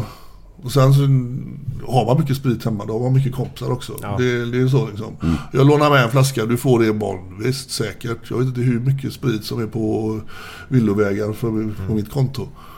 Men det är också ett eh, tecken då när man börjar dricka hemma, vilket jag aldrig... Det intalar jag mig själv. Vilket jag har ljugit för mig själv. Jag har sagt att jag har aldrig sprit hemma. Men det, jag menar när jag bodde i Spanien, jag hade ju bar hemma som var välfylld. Och det fanns ju inte någon gång man gick till supermarknaden utan att man kom hem med både då vinet obligatoriskt och sen då tyckte man var jätteroligt. Och de hade ju alla olika jävla spritsorter. Så det stod ju allt ifrån kinesiskt brännvin till eh, den här jävla ormtequilan och fan hans moster. Och det, det är ju liksom när man sitter då med en grogg i handen ensam hemma. Inte bra. Nej, då är man inte stark. Nej. Nej. Så det är ett varningstecken. Är det? Ja. Alltså alkohol, eh, både jag och Glenn, vi, vi, ja, för det första har vi en egen öl bland annat nu då. Vi, Mm. vi, vi gillar det. Men, men det ska ju ske i ett sammanhang där det, det är något Ja. positivt och det, det, man, man gör det själv. Sen, sen kan jag sitta hemma och dricka öl inte för en fotbollsmatch då. Men då kommer det där igen då. Ja. Att jag skyller på fotbollsmatchen kanske. Är du med? Eh, Kroppen vill ju ha öl. Ja. Ja. Skit i fotbollen. Det, Det kan vara aktuellt. det är lättare att förlora med, med några öl i sig. Liksom. Det, Ja, ja. Då, då kan man... eh, Vet du vad vi ska göra nu? Nej. Vi har gjort en lager. Vi ska göra en gravöl nu. Eftersom Okej. vi är Blåvitt-supportrar. Ja. Jävlar vad vi kommer få dricka Glenn. Ja, då går det käpprätt åt helvete. Men ta, säg istället att ni dricker varje gång de gör mål. Åh oh, jävlar. Ja, det blir inte ofta då. Nej. Det är väl bättre. Åh, nej. Nej. När vi ändå är inne på det här. Är, är det inte, är inte Gais ju snart eller? Eller har de mötts eller? Ja, de har spelat. Ja, de har spelat. Hur gick det där? Mm. ÖIS vann med mät va? Ja, Ja, okej.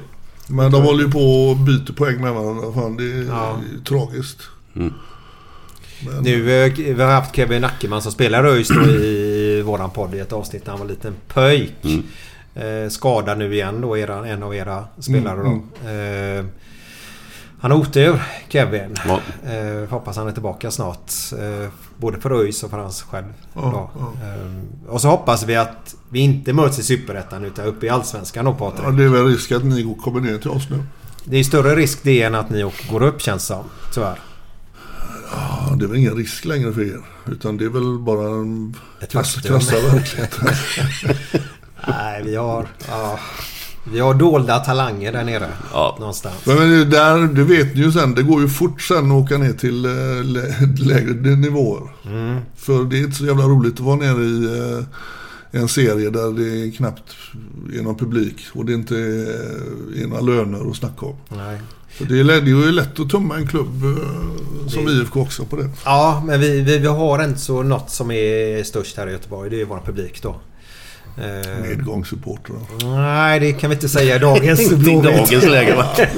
Men nej men alltså. vet, det där Losek, eller vad heter det, har ju gått upp Losek ja. Ja, men sen när ni välkomna i våran division då och spela mot eh, Alvesta och... Utsikten. vad fan, Utsikten och... Ja. Ja, lite härliga lag. Eh, det vi ska göra nu. Ja. Eh, vi kommer in på alkohol igen här nu då. Men eh, det var så här i... i nu vet inte jag på Nu får du hjälpa mig. Vi, vi säger att det var februari säger vi. Eh, så försvann du från sociala medier. Eh, och det här är mitt minne nu då. Mm. Och så blev det där och det var borta ganska länge och så blev det lite rykten och ingen fick tag sådär. Man hörde ingenting och så blev det... Började ryktas att ah, man har nog tagit sig ett återfall. Mm. Men så var ju inte fallet. Kan nej, du berätta nej, vad... det var inte februari, det var i eh, mars, april någon gång Mars, april. Kan du berätta vad som hände? Eh, ja, jag vet knappt vad som hände riktigt. Jag hade varit uppe i Norrland, kör ner till Göteborg. Och känner när jag kommer till Jönköping ungefär att jag, fan, feber och frossa, ont i leder. Och då tänkte jag att fan, du har åkt på den här jävla coronan till slut. Kommer hem här, jag hade med mig min hund. Eh, lägger mig, somnar direkt. Vaknar på natten, har svettats, alltså jag har 40 graders feber. Och det där pågick i några dagar. Jag var tvungen att eh, ringa en kompis som gick ut med, med Soto då. För jag klarade inte att gå riktigt. Så jag blev liggande här hemma i, eh, jag vet inte hur många dagar, en vecka kanske. Tills då min polare sa att det här ser inte bra ut. Det är liksom, eh, du måste åka till sjukhuset. Så de kom och hämtade mig med ambulans och sen minns jag ingenting. De körde mig upp till Östra sjukhuset. Och konstaterade då att det inte var covid eller det var inte corona. Utan de söv ju ner mig direkt. Så att så, så, så fort du kom upp så surrade de Ja, det var tydligen... eh, Alla tecken var så illa liksom att kroppen inte klarar av det. Jag hade noll- jag hade 0,20 någonting i syresättning i blodet, vilket är väldigt lite då. Det är precis som coronapatient idag då eller? Ja, och det, du har ju svårt med andningen då. Ja. Men det, det, det är ju ett tecken på att kroppen inte är okej, va, att den inte är bra. Och ehm, jag var uppe på Östra i två dygn tydligen. Sen så körde de ner mig i transport till uh, Sahlgrenska. Så jag vaknade upp. Eller de väckte mig då, för jag låg ju i respirator i, ja, i två veckor nästan. Två veckor? Ja, Herregud. och jag, alltså det var så bisarrt. Då när jag, jag väcktes, eh, då får man en, det är ju det här med att hjärnan inte har fått tillräckligt med syre. Och sen så har du varit under tunga preparat när de har, håller den nedsövd. Ja. Så att jag kom ju på sen efteråt massa konstiga drömmar jag hade. Och, alltså jag babblade så mycket skit. Jag sa sådana dumma saker som... som eh, jag, Vad? vad? Nej, alltså helt osammanhängande saker. Jag, eh, då när de hade väckt mig, då hade jag en uppfattning om att jag satt inne i ett, på ett kontor med två personer som utgav sig att vara läkare. Och det minnet har jag väldigt fast och starkt. Men nu när jag tänker efteråt så, nej jag var inte inne på något kontor. Jag låg alltså i min säng uppe på intensiven. Där någon har stått och försökt förklara för mig att Patrik, vet var du är någonstans. Du är på Sahlgrenska. Du, du har råkat ut för en väldigt allvarlig sjukdom. Och jag... Jag har, jag har det så starkt minne att jag satt och dividerade med dem. Nej, jag är inte sjuk. Jag vet att ni lurar mig. Jag hade nämligen fått sista förarplatsen i Formel 1 i Qatar. Förklarade jag för dem. Så jag var på väg dit. Va? Så det, här, det här ni håller på med nu, det kommer inte funka. Va? Sista Och, och jag har ju minnet av att jag hade mina väskor precis bredvid mig med bagagetaggarna på Qatar. Och att jag skulle köra Formel 1. Och jag satt och tittade ut. Jag såg ju mycket väl då att där, jag ser ju Guldheden. Jag såg det jävla vattentornet. Jag tänkte fan vad vilken jävla prank de har gjort kört här nu. De har slagit upp en fondvägg utanför. Och jag var helt... Det spelar ingen roll vad de sa. Jag vet att jag sa till dem flera gånger då när de sa du har varit nedsövd i två veckor. Ja visst, men var var jag någonstans då? Hade jag frågat flera gånger. Och det tyckte de var jätteroligt då. För det hade de inget svar på riktigt. Men, vad- men vad, vad var grejen du hade fått då? Eh, sepsis, alltså en blodförgiftning. Jaha. Och som satte sig på lungorna då, så jag hade- fick dubbelsidig lunginflammation. Sepsis är ju då eh, stafylokocker är det va? Streptokocker. Ja, som, som äter. Ja, alltså det är den, nästan den största orsaken till att folk dör nu i Sverige. Och den bakterien finns överallt. Och den är ofarlig så länge du inte får in den i blodet. Så du, kan inte, du vet inte hur du har fått den i Nej, alltså jag, jag försökte fråga då. Då sa de att vi är inte så jävla intresserade av hur och när Nej, du nej, fick det. nej. Utan vi, vi har blivit mycket bättre på att eh, se till så att folk dör av det. Men eh, de menar på det att du kan få det ifall du har ett trasigt nagelband eller du har en liten rispa i. Eh, och jag mindes ju då. Dels så körde jag vägen med en bil och knäckte fyra revben. Och där på insidan på, på revbenen hade de hittat då ett sånt kluster med de här eh, bakterierna. Och, men jag började ju titta liksom, jag har ju inte haft något sår utifrån så de kan ju inte ha kommit in den vägen. Men däremot så Soto bråkade med en annan hund där uppe så jag gick emellan och då fick jag ett bett på handen. Det misstänker jag att jag fick det därifrån för det stämmer ganska bra överens eh, tidsmässigt. Men eh, jag fick reda på det att det, det var väl sex timmar. Jag hade legat- legat längre, eh, sex timmar här hemma så, så hade jag inte klarat det. Ja, det var så. Och det, det var ju, alltså jag fick ju lära mig gå igen. Jag bad dem efter när jag hade varit vaken någon dygn. Jag bad dem att släppa loss de här bältena som de hade spänt fast mig i sängen. Och de bara, nej det, du är inte... Jo men jag förstår att jag har varit lite störig så. så men jag lovar, jag ska inte göra någonting. Det här med du är inte fastspänd. Och då försökte jag ju liksom lyfta armar, det gick inte. Det förklarar de det att hjärnan eh, får sig en, törn Och eh, är du någorlunda frisk liksom så återhämtar sig hjärnan sig. Och ju yngre du är desto lättare så klarar sig hjärnan då. Men det är alltid en risk när man eh, har fått dålig syretillförsel till hjärnan och man har varit nedsövd så länge. Så att, alltså jag, de, jag låg ju där med vuxenblöja och kateter. Och jag hade ju respiratorn då i ja, nästan två veckor då. Så att de rullade in en sån här gåstol, en sån här rullator. Med en sån här som var justerbar höjd, höjdmässigt. Så att bara att sätta sig på sängkanten, det, det kunde jag inte göra själv. Jag försökte ta min telefon, jag kunde inte greppa, jag hade ingen motorik. Så det var skitläskigt. Fy fan. Men det, det kommer jag ihåg som var jävligt jobbigt. Att de var på mig hela tiden. Jag ska göra det, jag skulle göra det, jag skulle göra det. Jag tyckte det var så tjatigt. Men det är ju det som är så viktigt när man väl vaknar upp. Att man kommer igång så fort som möjligt. Att man inte ligger för det. Alltså jag var ju så borta eh, med mycket mediciner och eh, så att det var ju lätt att man sov ett helt dygn. Va? Och hade de inte varit på den här tiden, då hade jag säkert haft mycket större men. Men det är det någonting som du fortfarande får ta medicin till detta eller? eller? Jag slutade med penicillinet för... eh, För jag blev sjuk en gång till när de hade släppt ut mig. Eh, Då visade det sig att de här jävla eh, streptokocken eller stafylokocken, jag har svårt att sära på dem. De hade gömt sig i kroppen och satt sig i eh, ländryggen. Där jag har då gamla skador. Så att de hittar alltid ställen där de kan föröka sig. Så jag stod på apoteket på Frölunda torg och skulle hämta ut ny medicin. Och ringer de från sjukhuset och säger du måste komma upp direkt. Och det kände jag, jaha, fredag eftermiddag. Där gick min helg liksom. Så jag blev inlagd en vecka till för att jag hade så dåliga blodvärden. Och eh, nu visar det sig då att det har bitit sig fast i ryggen så jag är tvungen att göra en st- steloperation i ryggen nu eh, om några veckor här. På grund av den här skiten. Oj. Ja, så att eh, Men är det borta nu om man säger? ja, själva bakterierna är borta Ja. då. Men eh, de säger att upp till ett år kan det ta. För jag märker det när jag, nu var jag ute och gick eh, 6-7 kilometer i morse och så gick jag till gymmet.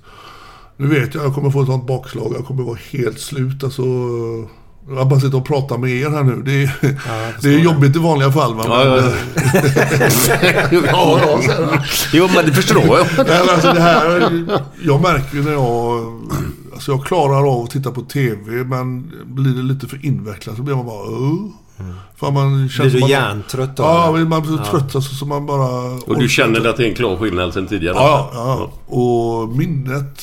Just det här då att minnet sorterar in händelser som jag kanske har drömt har det sorterat in i att det har hänt på riktigt. Och jag kommer på mig själv att Nej, vad fan, han har inte jag träffat på fan tre år. Varför fan skulle jag ha träffat han och pratat om de grejerna? Då har det letats in sig i minnesbanken. Banken, liksom att, att det ligger där som information. Att det här har hänt, fast det inte har hänt. Så det är skitläskigt. Och det var läskigt för du vet när du vaknar upp där du ska ner och få sista stolen i där Formel 1-loppet i Mm. Ja, ja, ja, Qatar visst. det här. Alltså, du, du är ju din verklighet där och då. Ja, ja. De tog in en psykolog. För att jag, jag har så mycket andra dumma saker som jag inte vill upprepa här. Men eh, det satt i så länge den här... Eh, min dotter fick ju komma upp där. Och det förstod jag ju långt, långt senare. Att det var ju bara på grund av att de inte visste om jag skulle klara mig. För de tar ju inte in folk på, på intensiven om det inte är liksom eh, sista svängen. Men hon sa det, hennes mamma var med också. Jag fattar inte riktigt varför men eh, det var väl att min dotter kanske inte kände att det var obehagligt. Ja, det Men jag. hon sa då, eh, Isabells mamma, att jag hade varit sådär jätte... Varit med liksom i 10-20 sekunder och sen helt flummat ut och sagt massa konstiga saker. Fast du hade varit vaken och tittat mycket ändå? Alltså. Och jag, jag, jag minns ju, de hade ju en psykolog då som skulle prata med mig som gång på gång, hon var jävligt opedagogisk. Jag blev ju irriterad på henne. Hon försökte då säga, du vet att du har bara hittat på de här sakerna och pratat med som om jag var ett barn. Och jag, jag låg och tittade in i en lampa som var ovanför sängen. Där jag skickade sms och eh, mail. Bara med liksom blinkande där. Och Jag bad en av sköterskorna, nu har jag kommit in på din mail så du får logga ut. Och hon bara, ja eller hur? Shit, och det var så alltså. verkligt. Men den här, eh, hon psykologen, hon, eh, hon måste ju hata mig för jag blev så jävla irriterad på henne. För hon, eh, jag tyckte hon var så dryg liksom. Så jag började peka, kolla där hörnet, där är en unicord. Och då visste inte hon vad unicord var. Det är liksom, vad fan vet du inte det? Hur fan ska du, du kunna prata med mig då? Så hon eh, fick reda på, hon var ju jättesur på mig. Men det fattar inte jag då liksom. Men, men de, de får nog höra väldigt mycket när folk Ja. vaknar upp va. Tänk dig många människor det finns där ute i Sverige som faktiskt går runt i sådana här tankar. Ja, jo det... Och det gör ju skrämmande lite grann. Ja, och det gjorde mig väldigt sådär ödmjuk för... Alltså jag hade ju problem innan jag blev sjuk. Alltså rent med den här corona. Hur fan ska jag få ekonomin att funka? Liksom inte, jag har inte jobbat sedan februari 2019. Liksom, eh, hur blir det? 20. 20, 2020 ja. Eh, Alla de här grejerna är bara bortblåst efter jag kom ut. Jag bara kände, ja just, vad fan. Jag kan inte påverka det. Nej. Nu kan jag påverka att bli friskare, jag kan liksom sköta mig. Det är det som jag får som mål. Inte liksom hur uh, Skatteverket börjar undra hur fan, eh, när ska du göra rätt för dig? Alla de här grejerna. Det är bara jag känner, det får komma när det kommer. Men det är som du sa, sepsis, är det så? Eller så Ja. Är det en, en förhållandevis vanlig? Är det jävligt unikt? Eller Nej, hur, nej. hur är, det, Nej. är det ganska vanligt? Ja, Eller? det är, det är den eh, största dödsorsaken i Sverige säger de. Ja, Du får, alltså en, eh, du får in den bakterien i kroppen, då är den superskadlig. Det går på, folk dör på några timmar. Men var, var inte det Therese Albrektsson? Var inte det hon hade fått? Ja, hon nämnde någonting om någon jävla Ja. grej. Hennes arm där. Ja, ja. Ja, det, det, check- jag vet inte om det var... jag fick höra då att mm, jag var ju väldigt glad, eller tacksam, skulle vara tacksam för att många vaknar upp utan att de har amputerat då. Ja, en arm eller båda benen, ena foten eller tagit en del av kinden. För att... Eh, Annars dör de ju. Ja, och det... De trodde ju att i och med att det satt då i lungorna, eller utanpå lungorna, ja, tar det sig in i hjärtat då, hjärtklaffarna, då är, då är det liksom goodbye. Och det trodde de i början att, det, att mitt hjärta blev påverkat. Och det, alltså det är ju, vården i Sverige är ju, alltså, sen kan man ju ha synpunkter. Jag har ju ingen aning om att man måste betala för eh, ambulans till exempel. Nej, Det kom, jag- faktura, jag- det kom faktura här. Två eh, ambulansforslingar med mig då.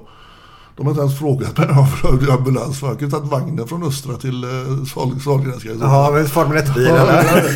Nej, men alltså, jag har ju alltid tyckt att det, Sverige är ett bra land för man blir dålig. För man har betalat så mycket skatt. Och det, men det visar sig att mm, försök att dra det med Försäkringskassan. Försök att vara sjukskriven en längre period. När du verkligen behöver det. Bara glömma det va. Liksom det, Vad kostar en sån ambulansfärd? Eller, jag tycker, ja, det är inte, ja, 3 8 tror jag det var. Men, 3 8? Ja, men eh, sätt mig en Uber nästa gång för fan. kan man tycka då. Nej men alltså, jag fattar inte vad... De har sålt ut hela välfärden och vi ska betala för det när du blir sjuk. Som man då har trott att, ja men den jävla skatten jag betalar. Där, I Sverige har vi fri eh, sjukvård. Jag fick betala maten på Sahlgrenska. Nu var de ju jätteduktiga och jättesnälla där uppe men Tänk de här som eh, blir sjuka som inte har några pengar. Det har inte jag heller nu. Men liksom, vad fan, det blir ju... Ska du vakna upp till att du är skuldsatt för att du har blivit sjuk? Ja, det låter ju lite... Ja, det är man bara, jaha, vad fan. Var det det vi växte upp med då? Att, eh, solidaritet och att vi hjälps åt allihopa. Ja, jag, jag, jag, jag trodde faktiskt maten var gratis. Man låg inne på, på ett sjukhus trodde jag. Men det Nej. var fel då. För Nej. jag tycker det som är bra är att, Jag vet inte vad, vad är högkostnadsskyddet? Är det 1100 spänn per år eller vad är det? Ja, men det hjälper inte. Nej, det hjälper ju läkarbesök och nytt hjärta och sådana grejer då. Men det här, jag visste inte ens om att man fick betala. Nej, jag, jag, inte en jag visste inte heller. Jag satt där och öppnade post och så bara, Jag jaha. tror det ingick i de 1100. Det trodde jag också. Men eh, det är ju, de är ju sina egna men ambulans och kör runt här nu. Det är ju ett litet företag som åker runt och... Så vi... Då är det som i Brasilien då? då. Ja, precis. Jag Ja. tänkte säga det. Jag, där fick jag ju betala taxiresan med ambulansen där han satt ensam och skulle ha upp mig i en bår. Så vill de operera på olika sjukhus. Ja men alltså bara båren den vägde ju liksom 50 kilo. Mm. Och han ville ha hjälp med att lyfta upp båren från ambulansen upp till våran lägenhet. Och han kunde liksom inte förstå min fråga då. Men kommer du ensam? Hur, hur hade du tänkt att få upp den överhuvudtaget? Och han bara, varför frågar du det? Jo men du är ju ensam nu. Hur ska du få upp den jävla båren? Ja det brukar alltid vara mä- människor som vill hjälpa till. Och det... Jag, jag kan säga så här, ni som inte har, har eh, lyssnat på, på Patriks eller läst Patriks bok då, Det du inte såg. Mm. Eh, läs den eller lyssna på den. Jag gillar ljudböcker och så lyssna gärna på den. Och där är ju just storyn om den här... Eh, när du... Eh, eh, sena knäsenan eller knäskålssenan är det som går Ja, på den va? patellasenan gick. Eh, bara den och det var Thomas Brolins fel. Ja, Nej, nej, Ljung- Ljungberg och Henke Larsson var ja, det. precis. Men Brolin Skyll är med överallt. Ja, Skyll, skyll inte på Brolin där.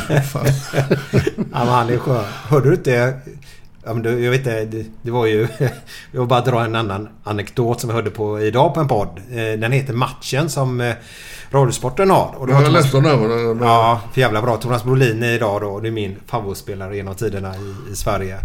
Eh, och så när han var 94 eh, i, i USA då och spelade där så kallade vet du, hotellet dit en representant från det svenska landslaget att fan kom och titta här. Det är ett rum där som är den telefonräkningen. Kommer ni verkligen lösa den när ni checkar ut då? Och de bara vadå, vadå? Och på den tiden var det 0771 nummer till sådana här sextjänster och sånt. Och det här numret gick till Thomas Brolins rum. Så de bara, jag ska ta det samtalet. Thomas, eh, du ringer ganska mycket till konstiga telefonnummer då. Och då fick han ju förklara att han var ju tvungen att ringa till sådana här nummer.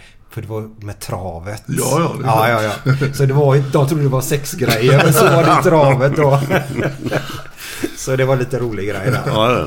Men vad kul att du är på åt rätt håll. Vi ska ta med ett annat ämne också här nu då. Mm. Eh, men hur, hur ser framtiden ut med, med den här skiten du fick nu då? Ja, alltså jag är tvungen att göra operationen i ryggen för att eh, det har satt sig så att det klämmer nerverna i, eh, i eh, korsryggen som går ner då i sidorna. Så att jag tappar känslor i både foten och i högerbenet. Det är som att ha diskbråck ungefär. Ja, säga. det är ungefär samma. Det gör är- jävligt ont. Ja, det är överrörlighet då i, eh, i kotorna som gör att de måste steloperera dem. Så att det är väl det jag har framför mig. Och sen eh, så märker jag det när jag tar i lite för mycket, både fysiskt och mentalt, då blir jag helt slut. Så att eh, även om jag vill jobba nu så är jag inte säker på att eh, det går inte i en sån eh, supertakt då, utan det får bli en lite lättare inskolning i så fall.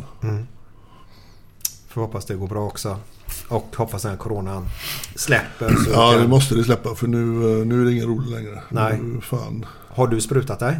Ja, jag hamnade i någon riskgrupp så att när jag Ja, blev utskriven så fick jag ganska omgående båda Mm. sprutorna. Mm, vad bra. Mm. Hoppas. Covidpass har varit bra eller? Ja, Tycker jag. ja det är ju alltså alla som inte eh, vaccinerar sig, det är ju de som ser till att vi går ännu längre tid med den här skiten. Mm. För att de... eh, Det, alla hänger upp sig på, ah, jag vet inte vad det är i sprutan. Nej, det är fan... eh, Vi häller i oss all jävla konstig sprit. Hembränt, gärna. Det är inga problem alls. Men- men- jag läste någonstans att vi checkar vad, vad en hel special. Vad fan vet du vad som är i korvarna? Har du någonsin brytt dig om det? Jag, jag vill Men, inte men, veta. men, Nej, fan, precis. Vi har väl så jävligt bra eh, sjukvård i Sverige.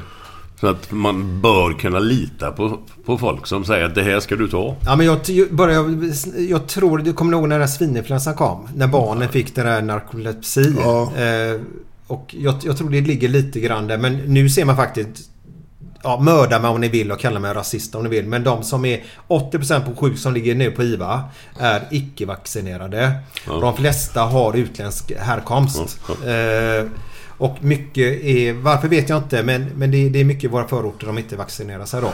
Det är väl trångbott där. Det, det smittan sprids väl Ja. eh, lite snabbare. Men Där. de är ovaccinerade också då. Ja, ja. Så... Eh, ja, vi släpper det. Nu går vi in på våra tredje ämne då. Våran sidekick idag ska prata Ja. om. Och det var... Ah, det har ju, alltså, det har ju svängt om dig Patrik på många sätt. Eh, I senaste året här kan jag väl säga, eller du får hjälpa mig också, jag vet inte hur länge det har varit. Så har det ju varit ganska mycket Ni har ju startat upp en härlig grej tycker jag. Som heter... Två, ja, du har ju haft det märket länge, 242. Ja. Men, men nu har ni, ni jobbar ni verkligen aktivt med, med att eh, dra in massa pengar som ni ska kunna skänka till olika organisationer har jag förstått det rätt. Ja. Eh, och, Det är en del av det vi sysslar med. ja, och så tryckte ni upp en, en, en tröja som faktiskt en av mina grannar hemma går runt med. Bara så du vet. En av dina kunder. Eh, kill your, din lokala pedofil eller något sånt Kill där. your local pedophile. Ja. Ja. precis. Jag är dålig på engelska så tack. Eh, eh, och där drog ju ett drev igång utan dess like. Ja. För det, det, var, det fanns ju två läger här i, i, i, stan kan man väl säga. Eller i stan i Sverige då. Eh, Drevet kommer mest uppifrån Stockholm om jag, kunde läsa mig till det. Eh, vad, vad var det som hände? Alltså först så eh, när vi använder det trycket Kill your local pedophile. Nu har vi ju många olika tryck. Eh, eh, där om man inte har någon fantasi och är kanske lite halvdålig på engelska. Då kanske man tar ordet kill som ordagrant. Eh, då ska man veta om att kill är ett ord som används på väldigt många... eh, I Sverige så döda tid till exempel. Killing time på engelska det är också som döda tid. eh, Kill that cigarette, kill that light. Liksom, det finns många sätt du kan använda ordet kill på. Självklart så syftar vi ju på att lyfta fram problematiken med pedofiler. Men jag har aldrig förespråkat att vi ska gå ut och skjuta den lokala pedofilen. Jag vet inte ens vem den lokala pedofilen är.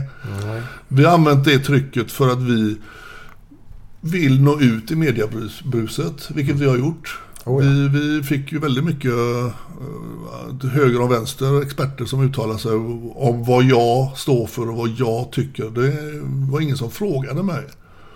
Och vi har en Facebookgrupp som nu är på 45 000 medlemmar. Som, där det finns väldigt många överlevare som har varit utsatta för sexuella övergrepp. Eh, familjemedlemmar som är med och stöttar och även väldigt många som absolut inte har upplevt detta själv. Men som ser att det är ett stort problem i samhället. Och den gruppen har eh, Facebook behandlat väldigt illa. Vi har blivit avstängda eh, x antal gånger. Eh, Vi får varningar För vad? för att vi använder ordet. Vi vet inte riktigt, vi, får aldrig det motiverat riktigt. Vi har fått ursäkter där de har tagit tillbaka varför de stängde av oss. Men eh, det är ju givetvis då massanmälningar från, som vi ser det då, från ultrafeministiskt håll. Och de sådana vänstertomtar som eh, vill att alla brottslingar ska få samma chans att leva fritt i samhället. Eh, det är bara vissa saker som eh, ska vara brottsligt då enligt dem själva. Så att det, det är väldigt snurriga människor som då sitter och massanmäler oss. Vi fick ganska snabbt 45 000 medlemmar, eller 40 000 medlemmar och sen har de satt något jävla filter på oss. Så att vi växer inte, även om vi ser att vi släpper in 2, 3, 400 nya medlemmar varje dag så går vi inte upp i eh, medlemsantalet. Så att, eh, helt uppenbart så tycker inte Facebook om oss. Och vi, eh, vi bestämde då att vi öppnar någonting som eh, ligger separat vid sidan om som vi kallar för dumpen.se. Dumpen.se. Ja, Ja. Där vi inte är censurerade. Där vi får skriva vad vi vill. Och det vi är intresserade av det är att bilda opinion. Att vi upplyser folk hur det faktiskt funkar i Sverige. Jag tror eh, gemene man är inte sådär eh, påläst när det kommer till de här. Nu har jag tyvärr fått sitta och läsa väldigt mycket polisutredningar. Mycket eh, domar från både tingsrätt och alla olika instanser. Det är ingen rolig läsning. Nej, jag Förlåt att jag är dåligt insatt här, men är det så jävla illa ställt alltså? Ja, alltså, det finns ett mörkertal på att det begås ungefär 90 000 sexuella övergrepp mot barn i Sverige. Uh, ungefär 30 000 blir anmälda. Och antal domar är ungefär 300 utav de 30 000. då.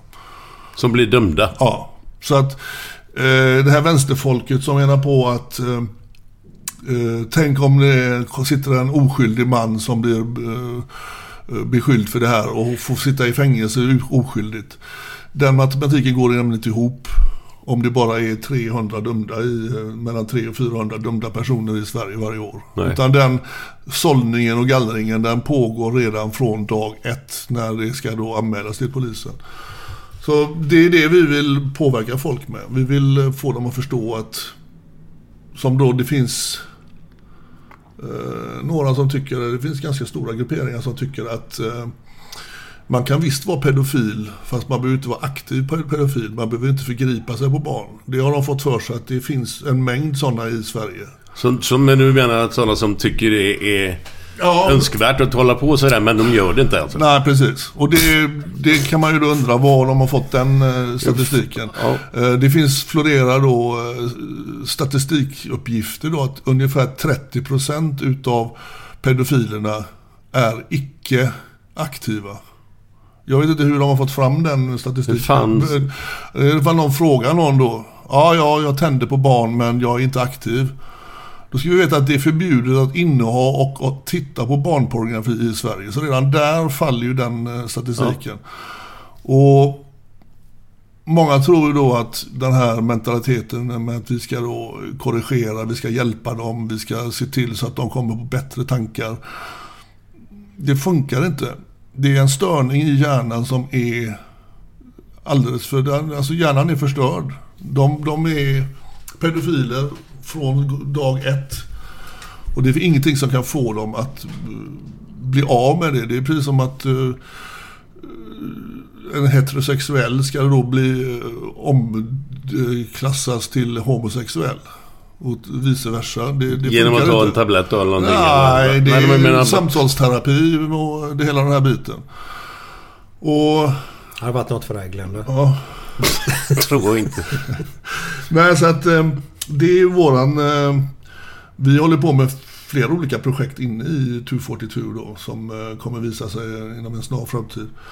Eh, och vi märker att vi gör väldigt mycket bra saker i och med att vi blir stoppade gång på gång. Jag är avstängd. Eh, jag kom precis ut nu från Facebook Yale. Jag var en månad avstängd. Fick inte det är lite roligt med Facebook. Man får inte kommentera, man får inte lajka, man får inte göra någonting. Men de skickar ut då. Vi såg att du tittade på den här annonsen för två månader sedan. Hjälp oss att bli bättre. Då kan man klicka och hålla på. Då, liksom, vad tycker du om den här annonsen? Är detta någonting som du skulle vilja eh, presentera för dina vänner? Det får man vara med och tycka om. Men att de stänger av mig för att någon Sista gången så var det någon bild som hade lagts ut i februari som stred mot deras policy. Så fick jag en månad. Så att det där... Vadå, en månads avstängning eller vadå? Ja, eller? då får man inte varken kommentera eller man får inte göra någonting. Mer än deras då i deras business. Det vill de att man ska... Ja, men du kommer in och kan titta då? Ja, jag kan titta då. Ja, okej. Men du säger vi hela tiden. Är det, är det sådana som har blivit utsatta själva då eller? eller, eller, eller? Men vadå? Nej men du säger vi, vi är det, vi är det. De som är med. Vi- har vi- de varit vi- i samma situation som du har? Nej vi, nej, vi som startade då 42 eh, har inte samma bakgrund som Nej, nej, nej. Men eh, eh, det är eh, föräldrar som har fått nog, som eh, har sett hur saker och ting eh, händer. Mm. Och vi hade ett stort eh, BAP-run, Bikers Against Pedophiles. Eh, det var ungefär 400-500 motorcyklar som körde för två helger sedan är det väl nu. Här i Göteborg. Och vi samlade in eh, 103 000 ungefär till eh, en organisation som heter NextMe som jobbar med både incestfrågor och eh, sexuella övergrepp mot barn. Så att vi gör ju detta av flera olika orsaker. Och eh, grundorsaken är att vi vill påverka politiker och makthavare och ändra lagar. Lagarna är... Alltså du, du får mot grova övergrepp mot barn, eh, våldtäkter. Så får du alltså, om du räknar per gång, så kan du få fem sex dagar per övergrepp. Alltså det, det är så här sinnessjukt. Det är, om en pedofil åker fast som har tio offer och de har kommit fram till en siffra på 100 övergrepp. Det är inte som i andra länder att där plussar man, utan här så tar Får du rabatt? Här får du rabatt. Ja, ja, du har varit duktig pedofil. Du har förgripit dig på 13 personer, små barn. Så att, eh, ja, vi kan nog skriva ner från sju år till tre år. Duktigt.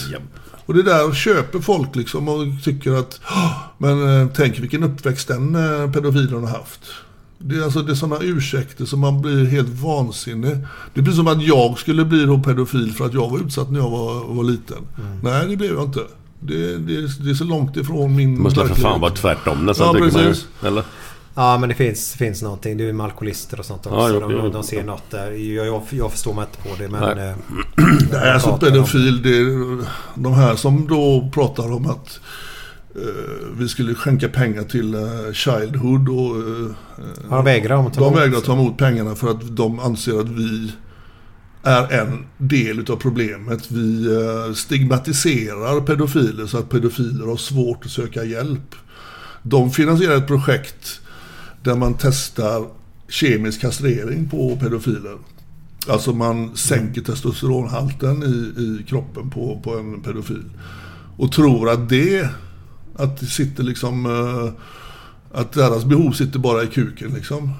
Det, det, att du inte får apparaten att funka. Det gör ju inte en pedofil mindre benägen till att förgripa sig på barn. Det finns eh, forskning på andra ställen eh, runt världen där de har försökt med kemisk kastrering. Och där visar sig att det kommer in mer våld i, i eh, den här problematiken. Att det har till och med slutat med mord. Och ett barn som blir, eh, blir utsatt för ett övergrepp dör i princip redan, alltså själsligt. Ja exakt. Så att eh, det, när det pratas bara om pedofilernas rätt, men det nämns aldrig barnens rätt. Vilket vi då vill ändra på. Vi, pedofilen är där borta. Han, han behöver inte vi bry oss om. Man ser till att han håller sig borta från barn resten av livet. Om det sker med kemisk kastrering och övervakning med GPS med eh, att han måste anmäla sig flera gånger om dagen. Att han får bo på ställen där det bara finns eh, dömda brottslingar och inga, inga barn. Vi bryr oss inte hur, men se till att lösa den problematiken. Det får inte bli så att, som det är idag, att de får komma ut efter avtjänat straff, som är alldeles för lågt. Byta identitet, få skyddade uppgifter, flytta till en annan stad och så plötsligt så, oj, här hittar vi han igen, vad konstigt. Du, hur, hur... eh, Alltså på ett ungefär, hur, hur många sådana här jävla svin finns det? Det finns ju siffror, allt mellan 5 och 10 procent utav världens befolkning har den, den dragningen. Nu har man konstaterat i många forskningsrapporter att man hittar samma mönster i hjärnan på dömda pedofiler. Att det finns ett fält som i hjärnan som alltså är påverkat från födseln redan. Bara en helikopter som låter om ni undrar. Alltså Glenn som somnar. Han somnar. Mitt i en mening. Ja, ja fortsätt. Ja, eh, så att den här då filosofin vi har i Sverige, att vi kan eh, bota dem med samtalsterapi, och att eh, om vi bara tar bort stigmat, att de kan känna sig som vanliga medborgare, då blir allting bättre. Det är bara skitsnack.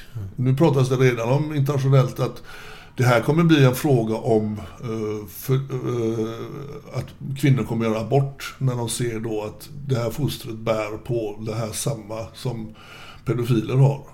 Att Ja, man då kan avbryta... Ska kunna se det så tidigt Ja, alltså? det har de redan forskning på då. Och det kommer bli en väldigt stor fråga. Om det klassas som eh, en, en eh, abort. Att man tar bort ett foster som har den här störningen. Och världen hade sett bättre ut om man nu då kommer fram till att den forskningen stämmer. Och man kan ta bort dem. För att de orsakar så jävla mycket smärta.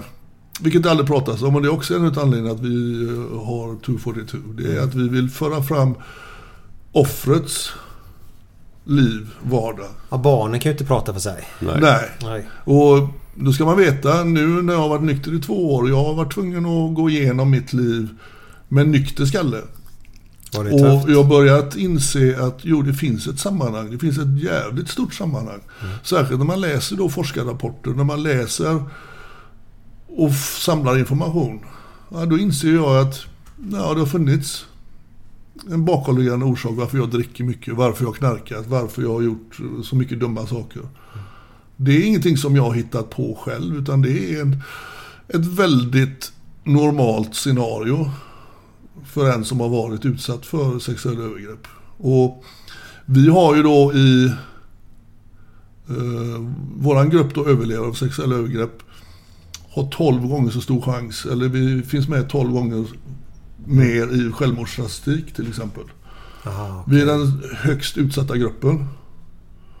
Och det pratar vi inte om. Vi pratar om att vi vill inte stigmatisera då eh, Börje som är eh, pedofil. Han, han måste ju få rätt att kunna vistas bland människor. Nej, det har han inte.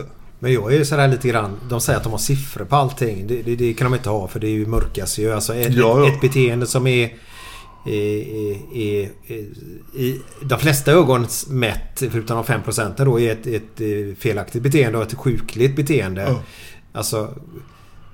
Gå och söka för det. Jag, jag tror inte många hade gjort det. Nej, varför skulle de göra det? Nej, nej, de, nej. Det har de ju hållit med om då, de här som... De har ju- har ju forskning på Karolinska. Det är ju självklart att de som då söker sig dit, de vill ha 160 pedofiler internationellt i den här eh, stora forskningen de ska dra igång. Det är bara det att, vilka vill du ha dit? De som söker sig dit är ju de som har blivit påkomna. Exakt. De som, som sitter i, i, fast i skiten liksom, som har ingenting mer att förlora. Det var ju inte han som har flugit under radarn som du helt plötsligt sen ser då som åker fast och har förgripit sig på 300 barn. Jo, han är jätteledsen när han åker fast. Och han är, han är ångerfull och han, åh herregud, jag, vill, jag måste ha hjälp. Han vill ha hjälp den dagen han åkt fast. Det är liksom, var de fått statistiken ifrån? Det är givetvis på vanliga eh, sjukhusbesök när de frå, får frågan. Det är helt och hållet på vad personen är för en situation. Behöver jag berätta eller eh, kan jag få en fördel för att berätta det här, det här? Det är som att fråga en bankrånare. Du, vi har 17 eh, bankrån ouppklarade här. Vilka har du gjort? Han kommer bara säga, ja du, bevisar du att jag har gjort någon av de 17? Ja, vi har det här då. Ja, ja det är ju jag på den bilden. Ja visst, det erkänner jag. Det är ingen som erkänner mer än vad de behöver göra. Nej. Och, och människan är ju uppbyggd sån. Ja, ja. Alltså det är först när du har handen i kakburken du erkänner. ja. För annars kan du ha inget bevis så erkänner du inte Nej, människan. nej, nej, Nej. Och då ska man veta att de flesta som sitter på de här eh, sexanstalterna då, special eh, all inclusive, där de får eh, jävla räkmacka hela sitt straff. Och de behöver inte betala någon transport. Nej, nej, de, Nej. Får, de har Uber. Men det, de det finns ju väldigt få av dem som är eh, dömda eh, som inte har nekat. De är inte med på några behandlingsplaner. För det är samma sak som att ja, men då har jag ju erkänt, vilket jag inte vill göra. Nej. Så att det krävs ju mycket för att de ska erkänna att de har det problemet. Ja. Och att de, någon då, Nisse från gatan, ska komma in och säga ja, jag har ju alltid tänt på barn. Jag vill ha hjälp. Mm. Varför skulle han vilja ha hjälp? Han är inte påkommen. Nej, nej. Det, det är ju... Vi brukar ju skoja om han farbror Bosse. Ja, det är känt. Det är lite rolig. Ja. Det är han med klubban i Yrrol. Ja, jag har inte sett då. Nej okej, nej. Eh, men så var det så här. Damp ner. Jag fick en fråga i, i somras. Känner du till den målaren? Och så fick jag ett namn. Nej, det kände jag inte till sådär då. Då var det ju att du kan nog detta fallet Patrik. Eh, I Örebro nu så var det en kille som... Jag vet inte om den rättegången har varit eller inte. Han ska upp i rättegång. Som hade sålt sin egna son. Mm. Ja, ja, Till en pedofil? Ja, till, Ja, till till, fler, till Ja. flera pedofiler. På Ja. en rastplats. eh, Ja. Eh, han har jobbat här i Göteborg som målare. Sådär, ja. Ja, så alltså... Vem är pedofil? Man kan inte... Alltså, Nej, om vi nej. ska vara ärliga. Om du är fullegubbe. Det syns ju på dig. Ja, ja. Ja. Eh, men alltså... Nej, de, de, de finns, du, du brukar säga de finns överallt där barn verkar. Ja, det är ju så. Och sen så är det ju inte samhällsklass, det är inte yrkeskategori, utan de finns... Självklart där barn finns, där, där kommer vi hitta pedofilerna. Men det är inte etiskt, det är alltså inte nationalitet, utan det är ett problem som finns överallt. Och det är det som gör att folk de tror sig kunna. Jag, jag får ju ofta när jag föreläser fråga liksom, ja men hur känner man igen en pedofil? Ja, du känner inte igen en pedo- pedofil på, på, på, ytter, på utseendet. Däremot kan du börja ifrågasätta en vuxen man, för det är oftast män som är pedofiler då, som lägger ner kanske hela sin existens på ett fotbollslag eller på, på innebandyklubben eller vad det nu är för något. Och inte har något socialt liv, aldrig umgås med vuxna. Som är den där som tvättar alla matchställen och som hämtar eh, de här killarna som bor lite längre bort. Som lämnar dem och sen kanske bjuder dem på bio eller de får sova över hemma. Så alltså Viljo var ju ett så talande exempel vid den personen som skulle tänt alla varningsklockor. Han hade fem, sex killar sovande hos honom, alltså i veckor. Till och med när skolan, eh, alltså han hade ju sådana som bodde där på torsdag till måndag. Och de gick till skolan själva och hade nyckeln hem till Viljo. Alltså, alltså det fanns några föräldrar som undrade, vänta lite nu. Vem är den här människan? Har vi varit hemma hos honom och sett hur det ser ut? Hade de sett det? Det var som en fritidsgård hemma hos Viljo. Han hade allt liksom. Det, det, det, fanns, det fanns ingen hejd på det. Och det måste ju folk ha med i, i själva bilden av en pedofil. Men menar, Gjorde han så för att han skulle få ut... Ja, få, ja han visste ju... Det är ju svårt för en vuxen man att få de här... Nu är han ju intresserad av killar då. Mm. Så det var ju... Han hade ju alla spelkonsoler som fanns på marknaden och alla jävla spel som fanns. Uh, han hade mina gamla elgitarrer med förstärkare. Du vet, han hade DVD när DVD knappt fanns. Han hade video, han hade alla jävla filmer. De hade konto på godisaffären, videobutiken, pizzerian. De bara kunde gå och hämta grejer där som Viljo gick och betala sen. Oj. Jag menar det, det... En man kan inte klara att ha den liksom ställningen om de inte liksom... Viljo jobbar ju på det sättet att vara liksom den här lekfarbrorn med, med alla fräcka grejer. Mm. Sen så gick ofta på bio med de killarna. De åkte och körde gokart och gjorde så här roliga grejer. Han tog med dem på hockeyn, liksom på fotbollen. Han liksom... Han kände ju mycket folk och fick liksom fribiljetter och grejer och, och la ju ner väldigt mycket pengar på att mm. hålla den här liksom flytande, hela skiten. Men han klarade mycket på att han var då tränare och de höll på med friidrott, killarna. Och att han hade lyckats att få fram mig till världstoppen och sen även andra killar som blev väldigt bra i Sverige. Så att den kombinationen, men att ingen förälder ifrågasatte varför, varför ska min son bo hemma hos Viljo mm. två, tre dagar i veckan. Men kommer, alltså nu tänker jag bara så här. Om mina barn vi bara leker med tanken att de skulle bo hemma hos någon annan sådär. Alltså, det, det finns ju inte på världskartan. Men kom oftast dessa barn från andra trasiga familjer också då? Det är klart att han... Eh, han riktar in sig på sådana som hade kanske bara en förälder hemma. Mm. Eller några som då hade han fattat att de eh, kanske inte har det så bra hemma.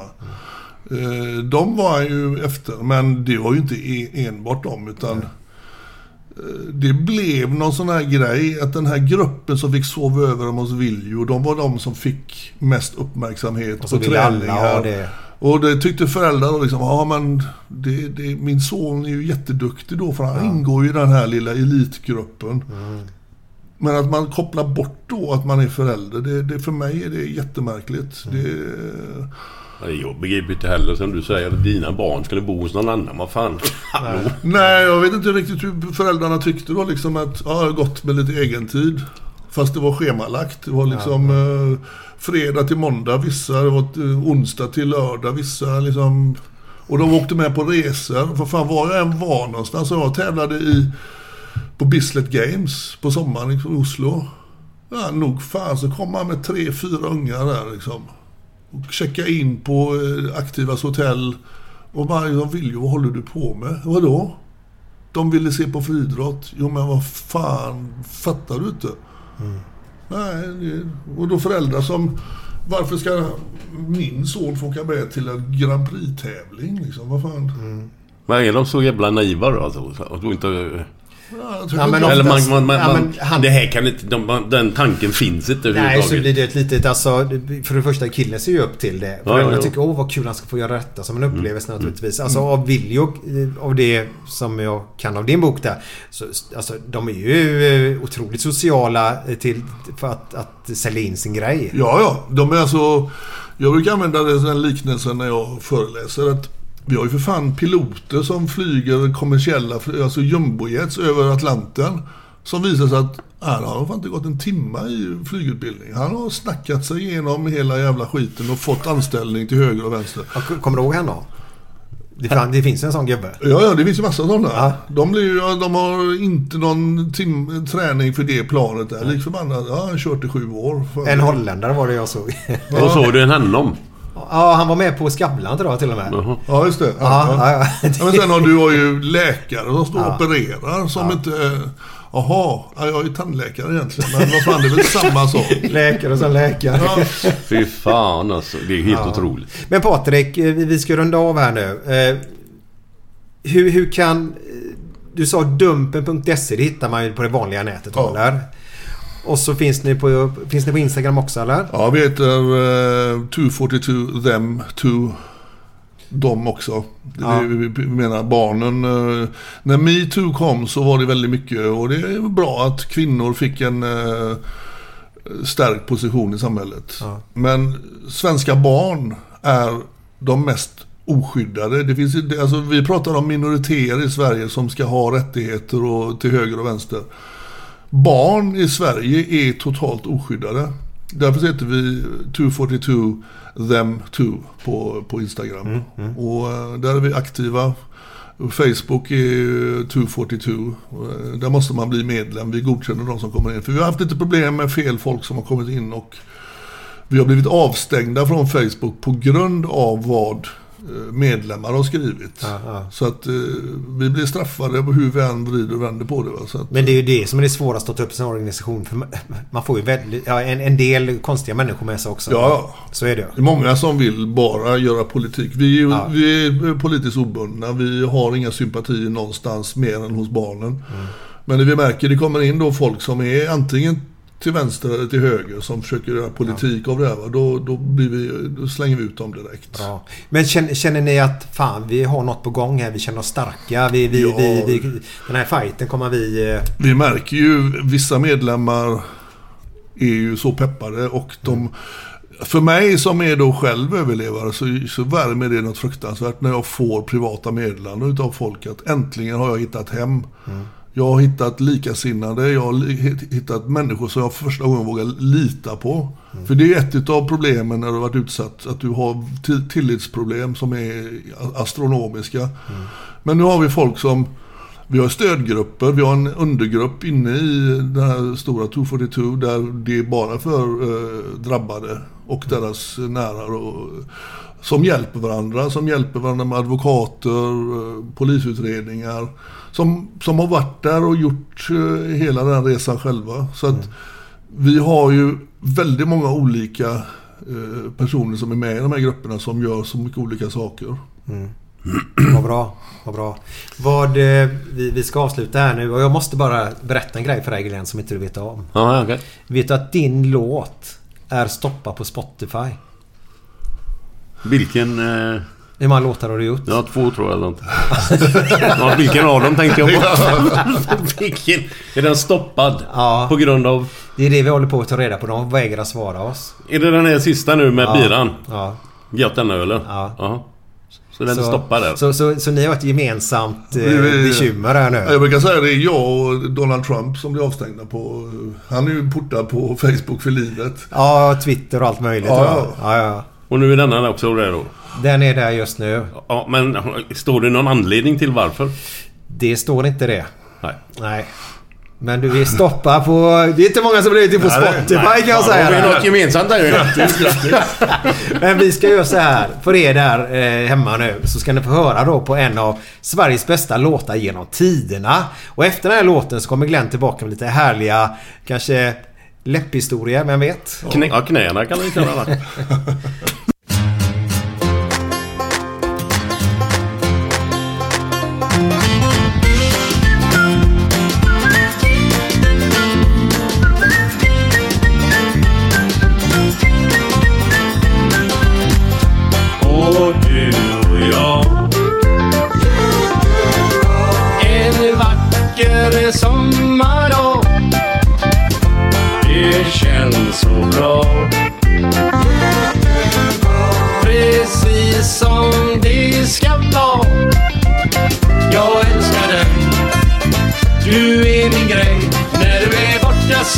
jag allt det vi har.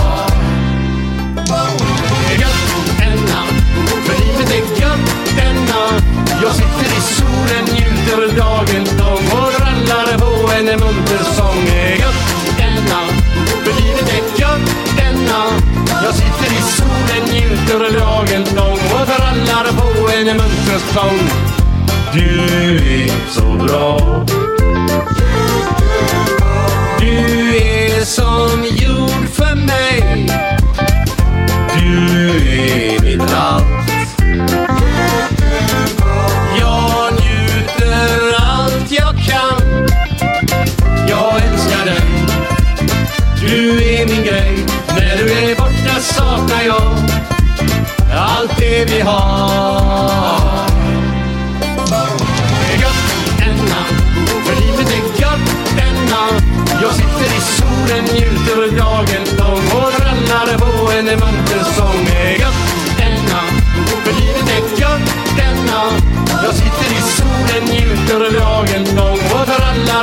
element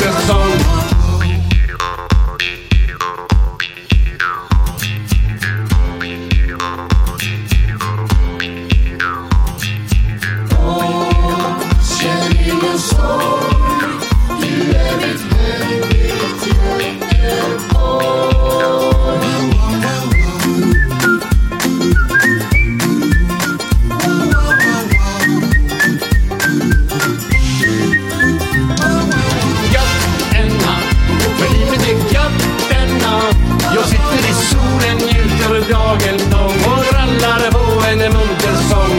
Gött denna, för livet är gött denna. Jag sitter i solen, njuter dagen lång och rallar på en munter sång. Gött denna, för livet är gött denna. Jag sitter i solen, njuter dagen lång och rallar på en munter sång. Gött, där satt den! Eh, är du beredd nu Glenn? Då? Ja, ja alltså jag, det, det är så här att jag, har, jag kommer inte på några nya nu så det får bli repris. Ja, du får ta många repriser du vill. Nej, bara- nej, bara- men bara alltså i alla fall- Bara de är bra. Det behöver inte vara bra ens. Nej, nej. Ja, just det. Erkänn, man borde ju filma honom för han blir ju glad som, som ett barn ju. Varsågod nu. Ja, vi kan väl börja med det här då. Eh, Det var ett gäng spermier som var på väg mot ägget. Så helt plötsligt så är det en stor ledarspermie längst fram som vänder sig om och säger Stopp kamrater! Vi har blivit lurade! Vi står till knäna i skit! Var det på tal om samtalsämne eller? nej, inte direkt. Nej, nej, nej, nej. Nej, vad fan var du med? Jag tänkte det var hon som kommer in eh, i butiken, den äldre damen. Så jag skulle gärna vilja ha två knippe persilja. Men snälla lilla damen, säger gubben. Det här är ingen eh, jävla grönsaksaffär. Det här är en sexshop. Jaha. Dildo? Men du har en till med spermier va? Eh, jo, det har jag. Men den har vi tagit ganska nyligen. Ja, men Patrik har aldrig hört Nej, det. men det, jo, det var ju ett gäng också som simmade. Det var också en stor jävla fet längst fram. Och så helt plötsligt så visste han inte riktigt var han var någonstans. Så han letade efter någon han kunde snacka med. Liksom. Så sitter ett gäng på en hylla här uppe. Så säger han. Hallå, vi är ett gäng spermier här. Vi ska till ägget. Vet du om vi har långt kvar eller? Ja, ni har en bit, säger han där uppe. Vi är tandtroll. Ja, fy fan vad dåligt. Ja, tack ska du ha. Ha det gött. Ha det gött. Ha det gött. Ja, tack. Hi, I'm Daniel, founder of Pretty Litter. Cats and cat owners deserve better than any old fashioned litter. That's why I teamed up with scientists and veterinarians to create Pretty Litter. Its innovative crystal formula has superior odor control and weighs up to 80% less than clay litter. Pretty Litter even monitors health by changing colors to help detect early signs of potential illness. It's the world's smartest kitty litter. Go to prettylitter.com and use code ACAST for 20% off your first order and a free cat toy. Terms and conditions apply. See site for details. Planning for your next trip? Elevate your travel style with Quince. Quince has all the jet setting essentials you'll want for your next getaway, like European linen, premium luggage options, buttery soft Italian leather bags, and so much more. And is all priced at 50 to 80% less than similar brands. Plus, Quince only works with factories that use safe and ethical manufacturing practices. Pack your bags with high-quality essentials you'll be wearing for vacations to come with Quince. Go to quince.com slash pack for free shipping and 365-day returns. Even when we're on a budget, we still deserve nice things. Quince is a place to scoop up stunning high-end goods for 50 to 80% less than similar brands. They have buttery soft cashmere sweaters starting at $50, luxurious Italian leather bags, and so much more. Plus, Quince only works with factories that use safe, ethical, and responsible manufacturing. Get the high-end goods you'll love without the high price tag with Quince. Go to quince.com/style for free shipping and 365-day returns.